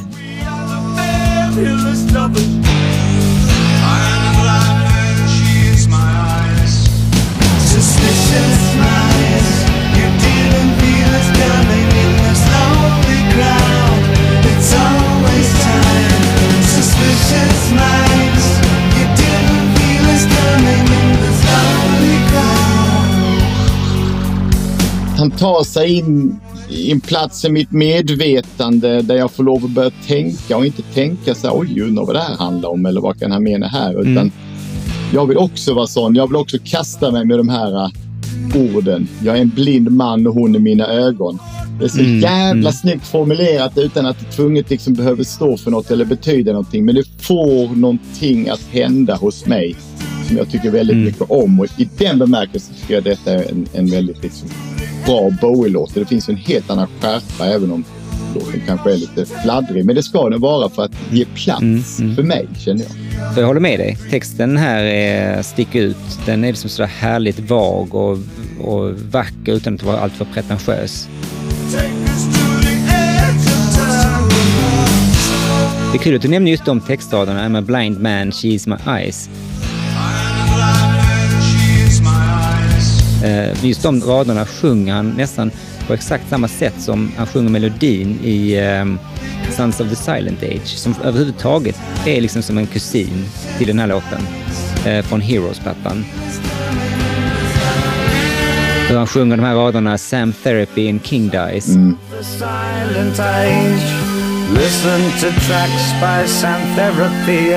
Dice. Om man jämför det med Oj, oj, oj. Ja. Det känns som att de här är skrivna liksom lite med samma inspirationskälla.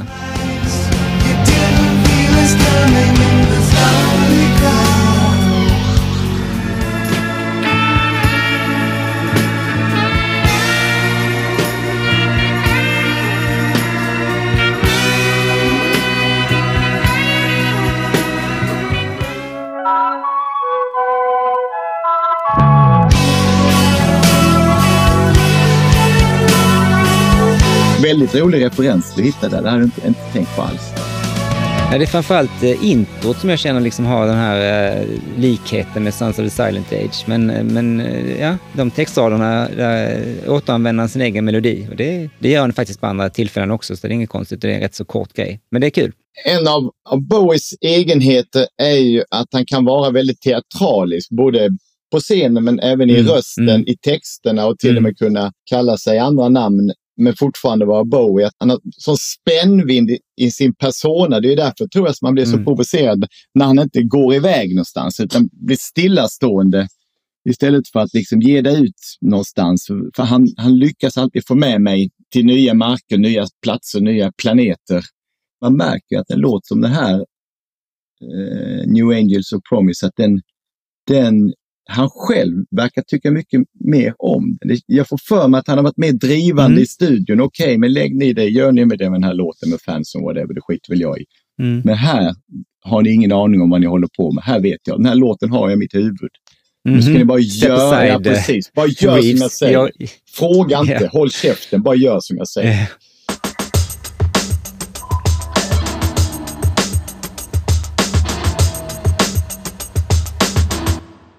Ja, det här som jag då nämnde, den, den användes då som intro till Omicron, men det är en annan version i spelet. Mhm. Eh, och eh, jag kollade upp den och den är faktiskt nästan ännu fetare. Det är någonting med den som, som är liksom... Gitarrerna på något vis låter bättre.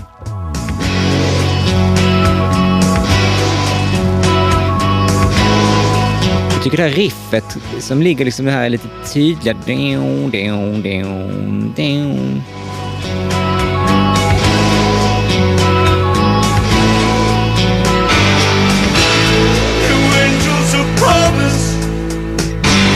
Annars är den stora skillnaden mellan den här versionen är att i, i refrängen sjunger han Omicron istället för eh, Suspicious Minds som han sjunger i originalet.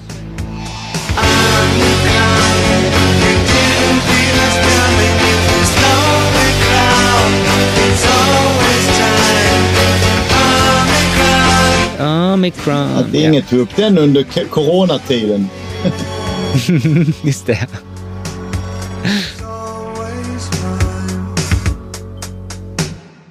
Titeln då, The New Angels of Promise, eh, det är någonting som jag läste om nu som jag inte kände till, att det finns en, eh, de som då menar att Bowie har fyra ängellåtar. Mhm. Eh, den första ängeln som poppar upp är då i trappan i texten till The Man Who Sold the World.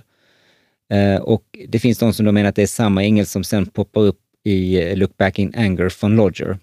Jag tror vi pratade om det lite i Lodge-avsnittet och eh, då visste inte jag att det fanns ytterligare två ängellåtar och då är det den här, eh, ängeln, eller änglarna i den här låten. Och slutligen då eh, The Angels Have Gone från Heathen. Bowie-fans kan ju ibland liksom slå knut på sig för att hitta röda trådar och jag känner nog att det här är väl ett fall där jag inte riktigt ser annat än att änglar i låttexter är väl inte speciellt ovanligt. Så att, jag vet inte om det finns någon djupare analys att göra. Men det, det kan vara bra att veta för att det finns så kallat Bowies fyra ängellåtar och det här är nummer tre. Ja, det är en bra, det är en bra quizgrej till alla som lyssnar på det här och ska hålla Bowie-quizar. Men oavsett vad man säger om den här ängelteorin så skulle man kunna undvikit det helt och hållet om man hade döpt den till Big John, för det var det den hette tydligen rätt länge i studion.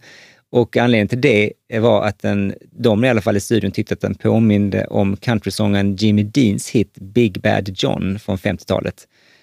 Eh, jag lyssnade på den och tyckte inte att det lät likt alls, så jag kommer inte ta upp tid med det här nu. Men eh, hade den hetat Big John så hade det varit ännu konstigare. Ja. Jag tycker New Angels of Promise passar liksom låten eh, i soundet.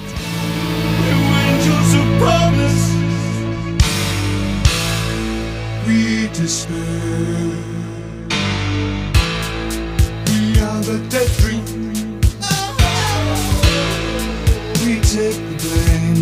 det slog mig nu att det är liksom lite av eh, en grej Bowie gör ibland, att han sjunger en strof och sen nästan talar en strof och hoppar mellan olika röster. Och det kommer ifrån hans förkärlek för musikaler och teatraliska utspel mm. som kan ju bli så oerhört töntigt när det görs fel. Men jag tycker alltid att han fixar det och här gör han faktiskt det. Ja, men också artister, i synnerhet manliga artister som försöker sjunga lite teatraliskt, de brukar ofta få epitetet Bowie-lika. Det är det här som, yeah. som när en Ola Salo brister ut och blir lite teatralisk i rösten. Jag tycker han gör det ju jättebra, men det är då folk säger att ja, det är lite Bowie. Så fort det blir lite liksom androgynt och man sjunger med lite teaterröst så, så brukar det liksom yeah. refereras hitåt. Det kan ju Di kanske också ha fått dras med en del. Ja, men precis. Precis, för att det, han gör det här med bibehållen trovärdighet, vilket är ju mm tecken på att eh, man har väldigt stark ID och en stark mm, eh, mm. person. Så här får man väl säga att sida B ändå på något vis eh, redas upp lite från totalt haveri. Eh, jag tycker den här låten är bäst på B-sidan kan man väl säga. Eh, I alla fall hittills. Jag håller med dig helt och hållet. Här tar B-sidan eh, fart mm. i det att den vill något. Upploppet. Verkligen. Och jag tycker faktiskt också att nästa låt som vi nog inte kommer att prata så mycket om är också en, en värdig slutet på B-sidan-låt som ligger där den ska och ligger där den ska och låter som att den är en låt på en jävligt bra skiva. ja, men det, jag förstår vad du menar. Det är en, en så kallad mellanlåt som eh, kanske vi ska lyssna på nästan i sin helhet kan man säga. Den är en minut och 51 sekunder. Låt nummer nio, Brilliant Adventure.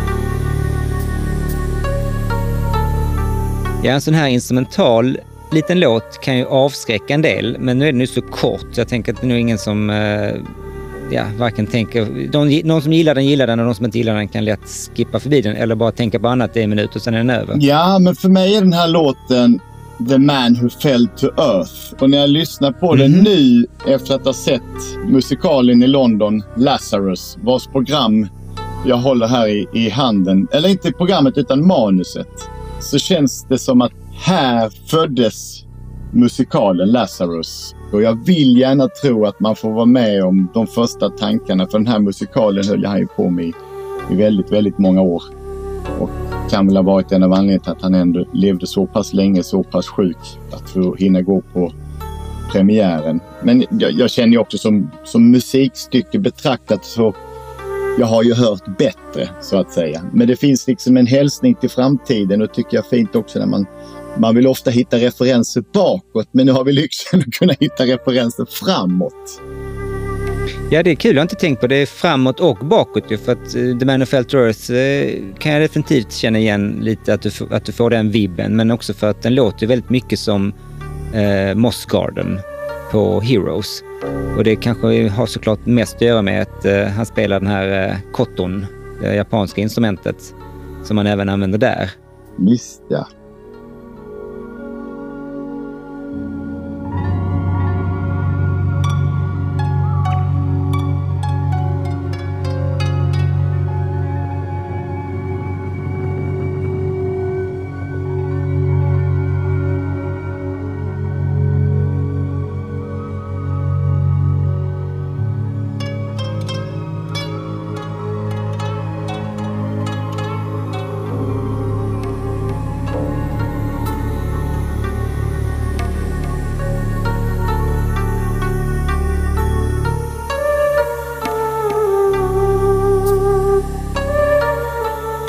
Skillnaden är ju att Moss Garden är fem minuter och Brilliant Adventure är en minut och 51 sekunder. Så att för mig blir Brilliant Adventure liksom, det är ingenting man behöver bedöma så mycket om huruvida det är en bra låt eller inte, utan det är en, det är en känsla, det är en stycke, det är en palette cleanser liksom. En, en liten an, våtservett innan man går på nästa rätt, så att säga. Ja, och det är heller inte pretentiöst, även om när man ska spela på den här typen av instrument och göra grejer. Man kan se framför sig hur de sitter på typ ett hotellrum och lyssnar på ljud. Och den ena spelar på ett instrument som den andra inte har en aning om. Men de bägge blundar lite grann för att låtsas njuta. Det finns det enda instrument som saknas här är ju en didgeridoo. Liksom. Människor som... Ja, då hade jag varit lite mer hård mot den kan jag säga. Människor som blundar när de lyssnar på de, de, de tappar alltid min respekt. Ja, min också. För det här är så bra så jag kan inte titta. Du anar inte hur rätt du har annars med din, med din, din inre visuella bild av det hela. För att den här var faktiskt just som du säger en idé, en demo som de bara spelade in på ett DAT-band. Det var ju den tidens liksom mest högkvalitativa liksom, digitala format innan man kunde spela in i datorn. Och eh, de bara lyssnade på den en dag och kände att det här är väl ganska gött, den här lilla idén. Och då tog man den och eh, mastrade den och kom med på skivan. Så den har liksom inte stötts och blött så många vändor.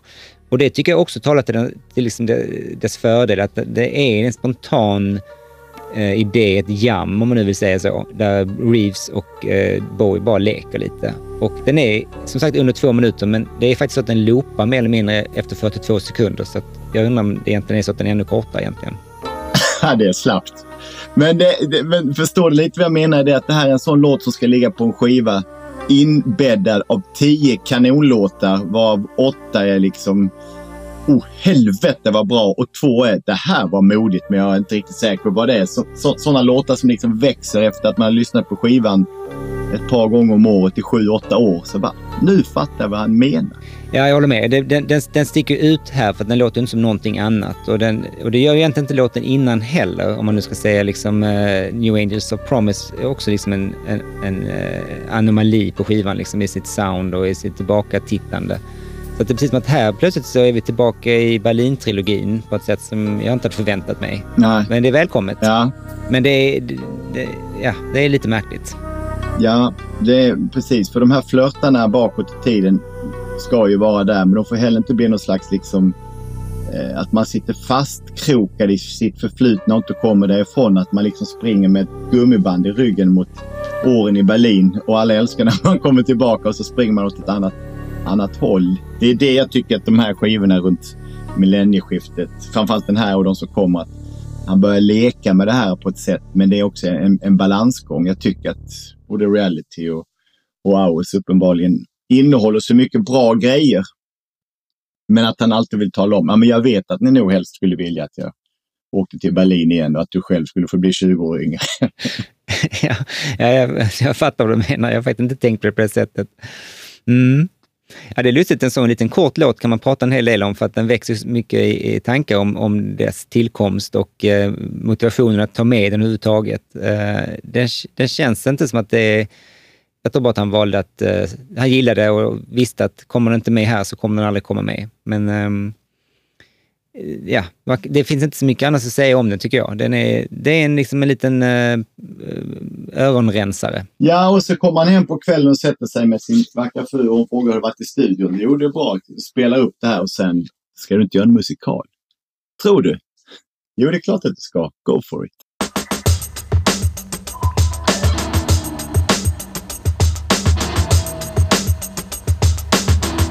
Men då har vi nått fram till eh, sista låten på plattan eh, som då är låt nummer 10, Mm. The Dreamers. Lite vindspel. Ja, det är en fortsättning på det instrumentala. Väldigt smooth övergång.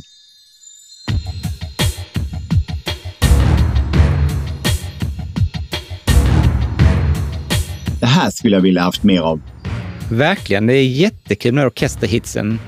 Timpani. Ja, det är den här liksom Nine Inch Nails-grejen som jag gissar att han har försökt att leta mer kring.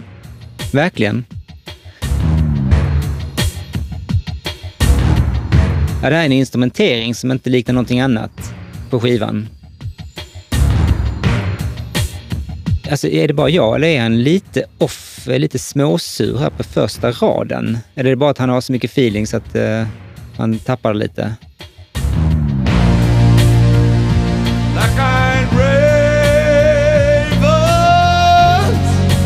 Han liksom letar lite efter tonen, men det är kanske bara jag som är petig. Ja, att han avbryter för han kommer inte högre. Ja, kan det vara.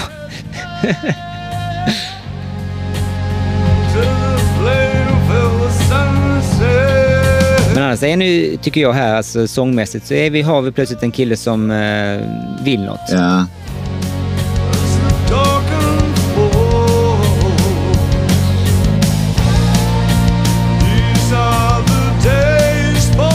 Däremot är inte jag jätteövertygad om att det här trumkompet eh, är det bästa.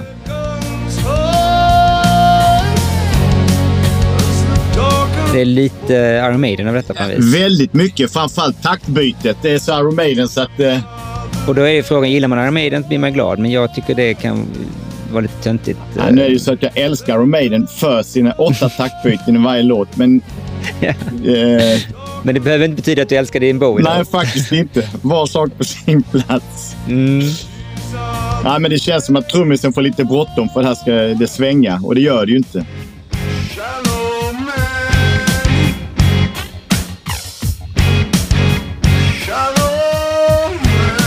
Alltså det här är för mig lite av en, en icke-låt. Alltså det finns liksom, jag vet inte vad den, vad, det, vad den vill riktigt eller vad de har tänkt. Jag hänger inte med. Eh, jag eh, måste säga att varje gång jag lyssnar på skivan och kommer till denna så blir jag sådär, hur lät nu den? Och så får jag för mig att det är en lugn ballad. Och så, nej, just det, det är den här som är ganska rockig. Så att den har den här tråkiga egenskapen att den fastnar inte. Nej, och faktiskt nu när jag hörde introt så känner jag bara wow, här kommer den här låten. Vad kul! Som jag hade glömt bort. Och sen så nu någonstans, så, ja men nu vet jag varför jag glömt bort den.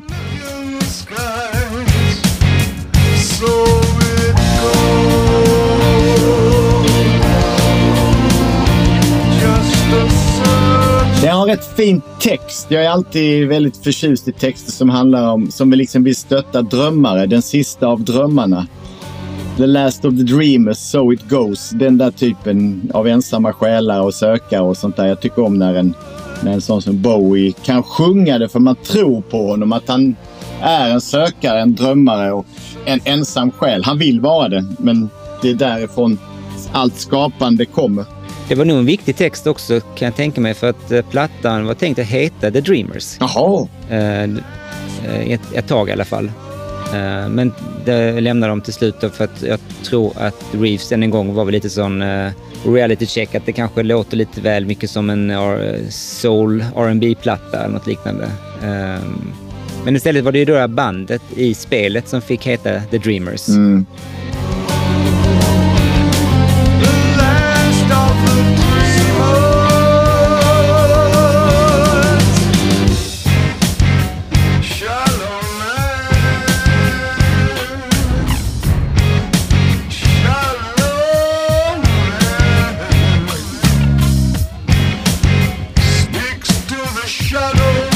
Det brukar ju vara så att den sista låten på en platta är viktig och inte sällan heller också pekar sista låten framåt mot nästa skiva. Mm. Och jag vet inte om det stämmer i detta fallet, för jag ska erkänna att Hiden är en av de få skivorna jag inte har hört än.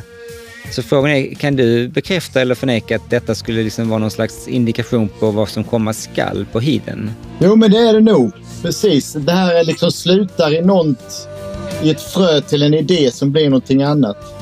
För skivan efter är betydligt mer samlad.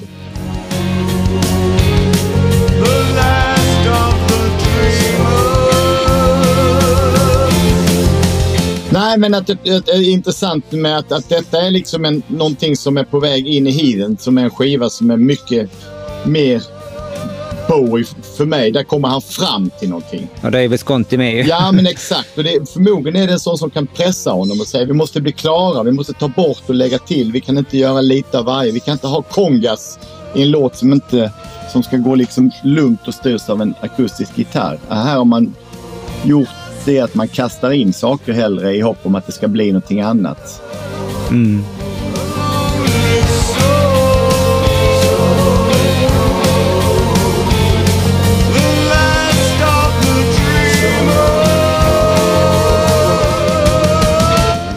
Autodelen kan jag tycka är ganska skön. Jag, jag gillar de här långa stroferna som man liksom håller ut så här länge. Jag är svag för Tom York och liknande som också har en fa- fallenhet för det. Mm. Så jag, jag tycker den, den räddar upp sig lite mot slutet. Men eh, den är lite svårgreppbar, tycker jag, hela låten. Ja.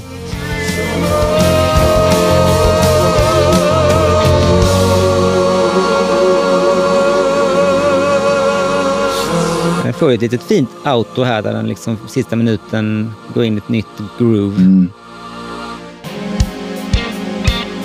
Leker lite med rytmerna.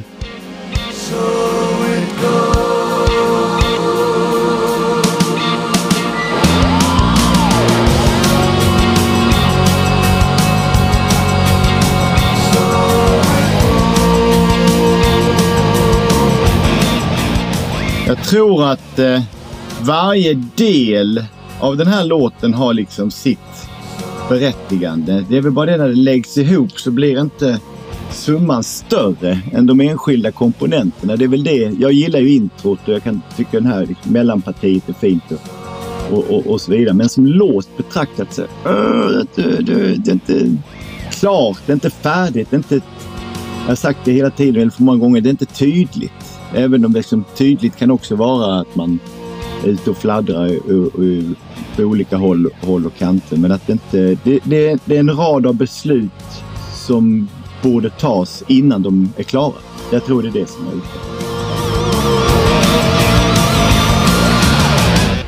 Ja, nej, alltså, det är väl lite ett problem att eftersom B-sidan är så mycket sämre än A-sidan, så när det kommer en sån låt på slutet, så man, man vill ju tycka om den. Man vill hoppas att det ska liksom vara en av de där bra, men den, är väl den är väl helt okej. Och det är, det är lite så tråkigt att när jag lyssnar på de här sista skivorna av, i Bowies katalog, jag har inte hört Hiden än, så slås jag liksom av och det känns som att man hör liksom en mästare som tappat sin magiska touch. Mm. Alltså jag, jag hela tiden påminna mig om att han kommer att göra Blackstar, han kommer att göra Blackstar.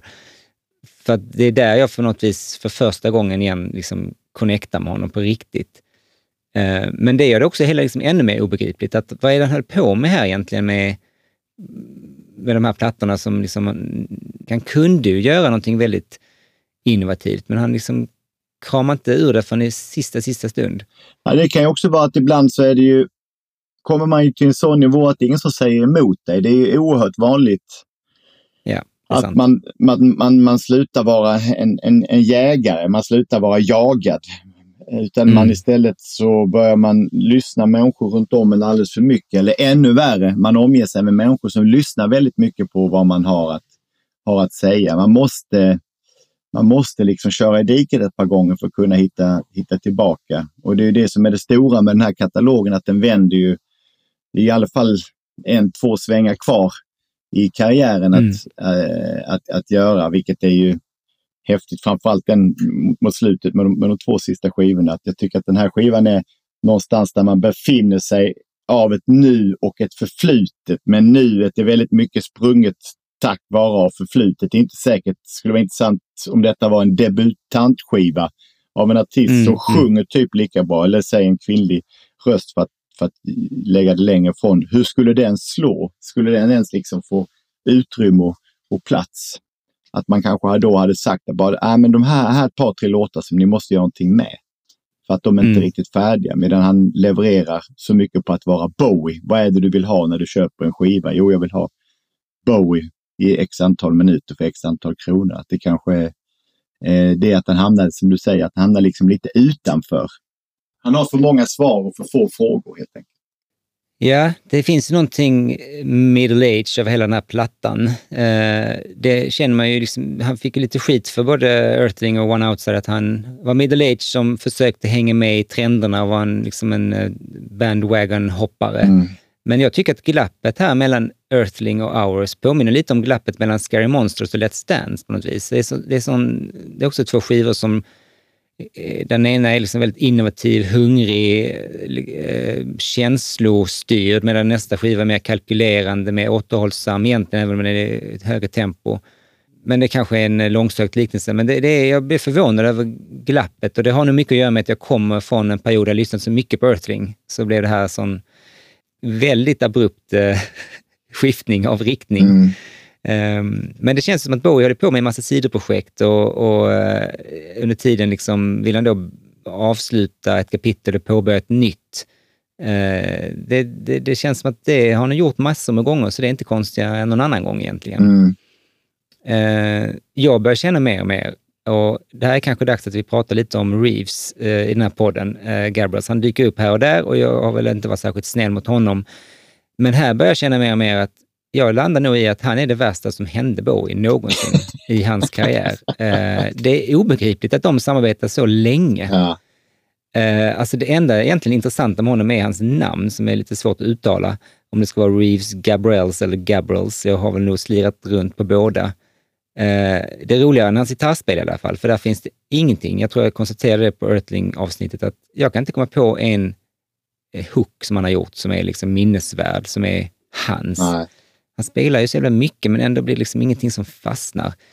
Och här tvingas han ju då hålla igen mer än tidigare. Han får ju liksom backa lite och det har nog mycket att göra med spelet. Det krävde att musiken skulle vara lite mer lugn, lite mer um, kunna sjunka in i bakgrunden. Och det är därför lite extra kul att det är på denna plattan han får, får det full låtskrivar-cred. Vilket ju Bowie aldrig har gett någon annan, varken före eller efter. Mm. Eh, Känner du till bakgrunden till deras samarbete, hur det inleddes? Nej, inte menat att han var med i Tin Machine. Nej, det, det, blev de ju, eh, det var ju det de startade tillsammans, men de hade träffats eh, något år innan genom Reeves fru Sarah. Hon var nämligen publicist på turnén 1987. Då presenterade hon eh, Bowie för Reeves och eh, de blev liksom kompisar och snackade rätt mycket med varandra. Men eh, Reeves nämnde ingenting om att han var musiker, att han var gitarrist eller att han höll på att göra musik. Så att deras liksom, vänskap växte fram ganska förutsättningslöst. Mm. Och det var först när turnén var över som då hans fru Sarah gav Bowie ett kassettband med eh, Reeves musik. Och efter ett halvår hörde Bowie av sig och var väldigt imponerad. Och sen kort därefter startade de bandet Tin Machine då, med bröderna Hunt och Tony Sales. Eh, och det roliga är detta är ju deras avskedsplatta då kan man säga. De hade väl en relativt... Eh, kan du någonting om deras uppbrott? Jag har för mig att det var väl inte helt friktionsfritt. Det var väl lite, lite smutskastning, lite gnäll, i alla fall från Reeves sida. Eh, han har alltid gjort en väldigt stor grej av att det var han som lämnade Bowie. Eh, det var inte Bowie som oj. kickade honom. Nej. Jag vet inte om det stämmer och det spelar egentligen ingen roll. Jag är mest bara orolig nu att han ska fucka upp The Cure. För där har han ju varit med sedan 2012. Och den här skivan som de har hållit på och lovat nu år ut och år in, den kommer ju aldrig. Ja, jag hoppas att han inte fuckar upp den. Nej, men det kan ju vara också så att han vill ju gå med det klassiska att eh, vi har enats om att vi ska gå skilda vägar och du ska skynda mot nya djärva mål och ditt framtid är inte inom, Ja. Inom mig. Att jag Mm. vet inte alls om de kan ha kommit ihop sig, men sen kan det vara också att att eh, det kan ju vara så att eh, Bowie och Visconti har tagit en öl och pratat om gamla tider och när Bowie säger säg nu ärligt, vad tycker du om min nya skiva? Ah, jag tycker den är skit. Mm. Jag kan tänka mig att ett problem för en sån som Bowie är de som spelar med dem känner fan det är ändå Bowie som står längst fram. Mm, mm. Det är klart att det, det, det liksom det händer ju någonting med kroppen när man får spela de här låtarna live och folk står och skriker till en. Men å andra sidan så har ju Reeves inte heller... Han har gjort bra grejer, men inga, inga exceptionella grejer. Han har inte tagit några risker. Det är väl det som, som jag kan tycka Mm. är lite tråkiga. Göra bra saker gör man om man är bra. Göra briljanta grejer gör man om man vågar. Detta ska inte vara mainstream pop. Där man, man pratar ju om Bowies listplaceringar mer lite by the way. Det finns ju ingen anledning medan en artist som Madonna är listettorna viktiga. Där med Bowie är det mer intressant att veta hur han tänkt. Vad ville han? Vad ville Mm. han ha för någonting? Och vad var han ute efter? Vad letade han efter? Medan, och det är därför som Mm. det är lite vemodigt. Det som du säger håller jag med om. att Det är liksom lite, det är lite väletablerat allting här. Det är väl det som, som, eh, som är, ligger lite emot Bowie de här åren. Nu nämner Visconti, att han kanske spelade en roll i att inte Reeves bjöds in igen. Det kan mycket väl vara så, för nu slog det mig att jag vet ingen skiva där Visconti och Reeves har varit med tillsammans. Utan de, det kanske var att han sa nej, det, vi klarar oss utan honom, vi ringer Earl Slick istället. Ja. Ehm, Efter det här samarbetet avslutades här så hade han ju aldrig någon riktig sidekick igen på det sättet, en gitarrist som man... eh, Jag tycker Earl Slick är det närmaste man kan komma, men, men eh, när jag skulle försöka sammanfatta vad jag då tycker och tänker så kunde jag inte komma ifrån det vi var inne på redan i början, att där sitter då Bowie rik och, och lycklig på Bermudas med sin absolut sämsta samarbetspartner någonsin och gör musik till ett datorspel. Alltså det är klart att inte det skulle bli bra. Det är liksom dömt att misslyckas på något vis. Eh, och dessutom skulle de skriva musik som skulle tjäna två syften. Alltså dels fungera som bakgrundsmusik i ett spel och dels som låtar till ett album av antingen Bowie eller av Reeves, för de höll på med sina egna grejer. Det var liksom lite riktningslöst. Mm. Alltså, och för att musik ska funka i ett spel så måste man öka på med mer syntmattor och, och man måste dessutom se till att delar går att loopa för att de ska liksom kunna funka med spelare fastnar i en viss del av spelet. Mm. Och jag tänker att Bowie behövde ofta liksom någon slags eh, in i, i någon gnista som tände hans kreativa glöd. Det kunde vara en karaktär eller det kunde vara ett nytt sound eller flytta till Berlin eller liknande. Och det känns som att om det nu var spelet då som kickade igång honom här, så det, tror jag att det var liksom en liten olycklig eh, tillfällighet, för jag tror inte att det var den bästa kreativa gnistan just då för honom. Eh, men å andra sidan så tänker jag att han var nog ganska trött på techno och industrirock där allting klipptes upp i all oändlighet och sådär. Så på så vis var det väl ganska logiskt att det här var en skiva där han liksom dammade av sin acke och började spela liksom hedliga gammaldags låtar igen. Ja. Han är inte så bra egentligen på liksom det här verkliga livet. Everyday Joe kind of guy. Han, han, han är ju som bäst när han är lite mer eh, extravagant i sina eh, berättelser. Alltså The Gene Genie eller um, Cracked Actor eller Ziggy Stardust eller så. ja, men då är, men då är det fantasier. Det, det ska inte bli för mycket realism. Jag har sett en hel del intervjuklipp nu i samband med eh, researchen för det här avsnittet och från den här tiden. Och jag, jag, jag känner mig ofta liksom oengagerad och lite rastlös när jag ser klippen. Eh, annars brukar jag vara alltid fascinerad och liksom förtrollad av, av vad han än pratar om. Eh, här känns det liksom ingenting han säger känns coolt eller tänkvärt eller ens äkta. Han är liksom han är den perfekta talkshow-gästen. Han sitter och skrattar och han är till och med med i några tramsiga liksom lekar. Och han är liksom en fat cat som är ganska tråkig. Och det, jag spolar liksom fram och tillbaka lite i hopp om att det ska, att det ska finnas någonting av substans. Men jag inser att jag vill liksom inte höra vad det är han har att säga, för att jag upplever att han bara spelar någon slags eh, roll.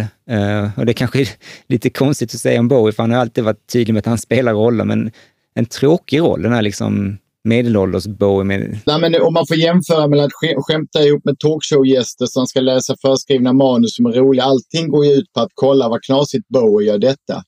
Till när Mm. han sitter i talkshows i, i smink och nagellack och de försöker förnedra honom att, för att han ska Mm. vara liksom underförstått att han, att han skulle vara bög eller att han skulle inte vara man Mm. nog. När han hela tiden har ett sånt intellektuellt övertag och reder Ja, ut det otroligt. och de kommer inte åt honom för att han är, han är för bra. Så att han, det är väl kanske det också att när han blir accepterad så finns det inget motstånd att, att reagera mot. Det finns liksom ingen energi att frigöra utan nej, men då blir det skoj i och med att han onekligen har humor och alla intervjuer går ut på vad han har gjort. Liksom. Okej, vi pratar en minut om nya skivan och sen så går vi på det där gamla som alla vill höra igen. Liksom.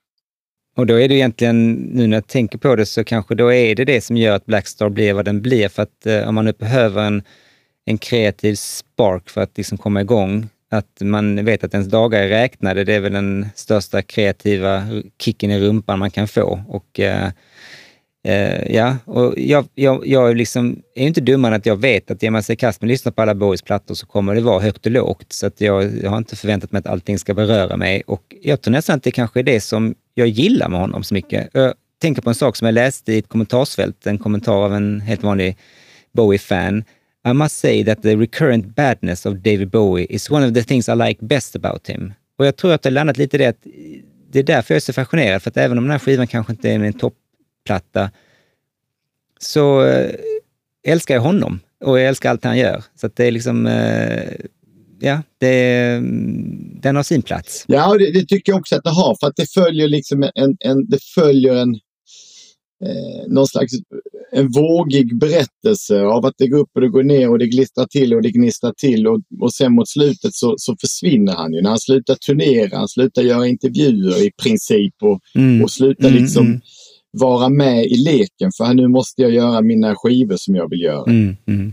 Den där independent-grejen som artister som får riktigt långa karriärer lyckas göra. I Sverige är det väl Thåström som är bästa exemplet på att Mm. Att i så många år sedan 70-talet göra saker på sina egna villkor. Vilket är ju eh, svårt men vansinnigt attraktivt när man som fan bara får följa det. Liksom. Slutligen då, eh, det slog mig att eh, titeln kan läsas som ordet hours, alltså O-U-R-S, vår. Det gjorde inte mig klokare, men det är väl en liten kul tanke. Men oavsett vad så kan väl säga att det här är inte Bowies finest hour. Eh, men annars eh, vill jag bara säga ett stort tack till, till dig Henrik för att du ville vara med och prata med mig igen. Eh, grymt. Tack så hemskt mycket.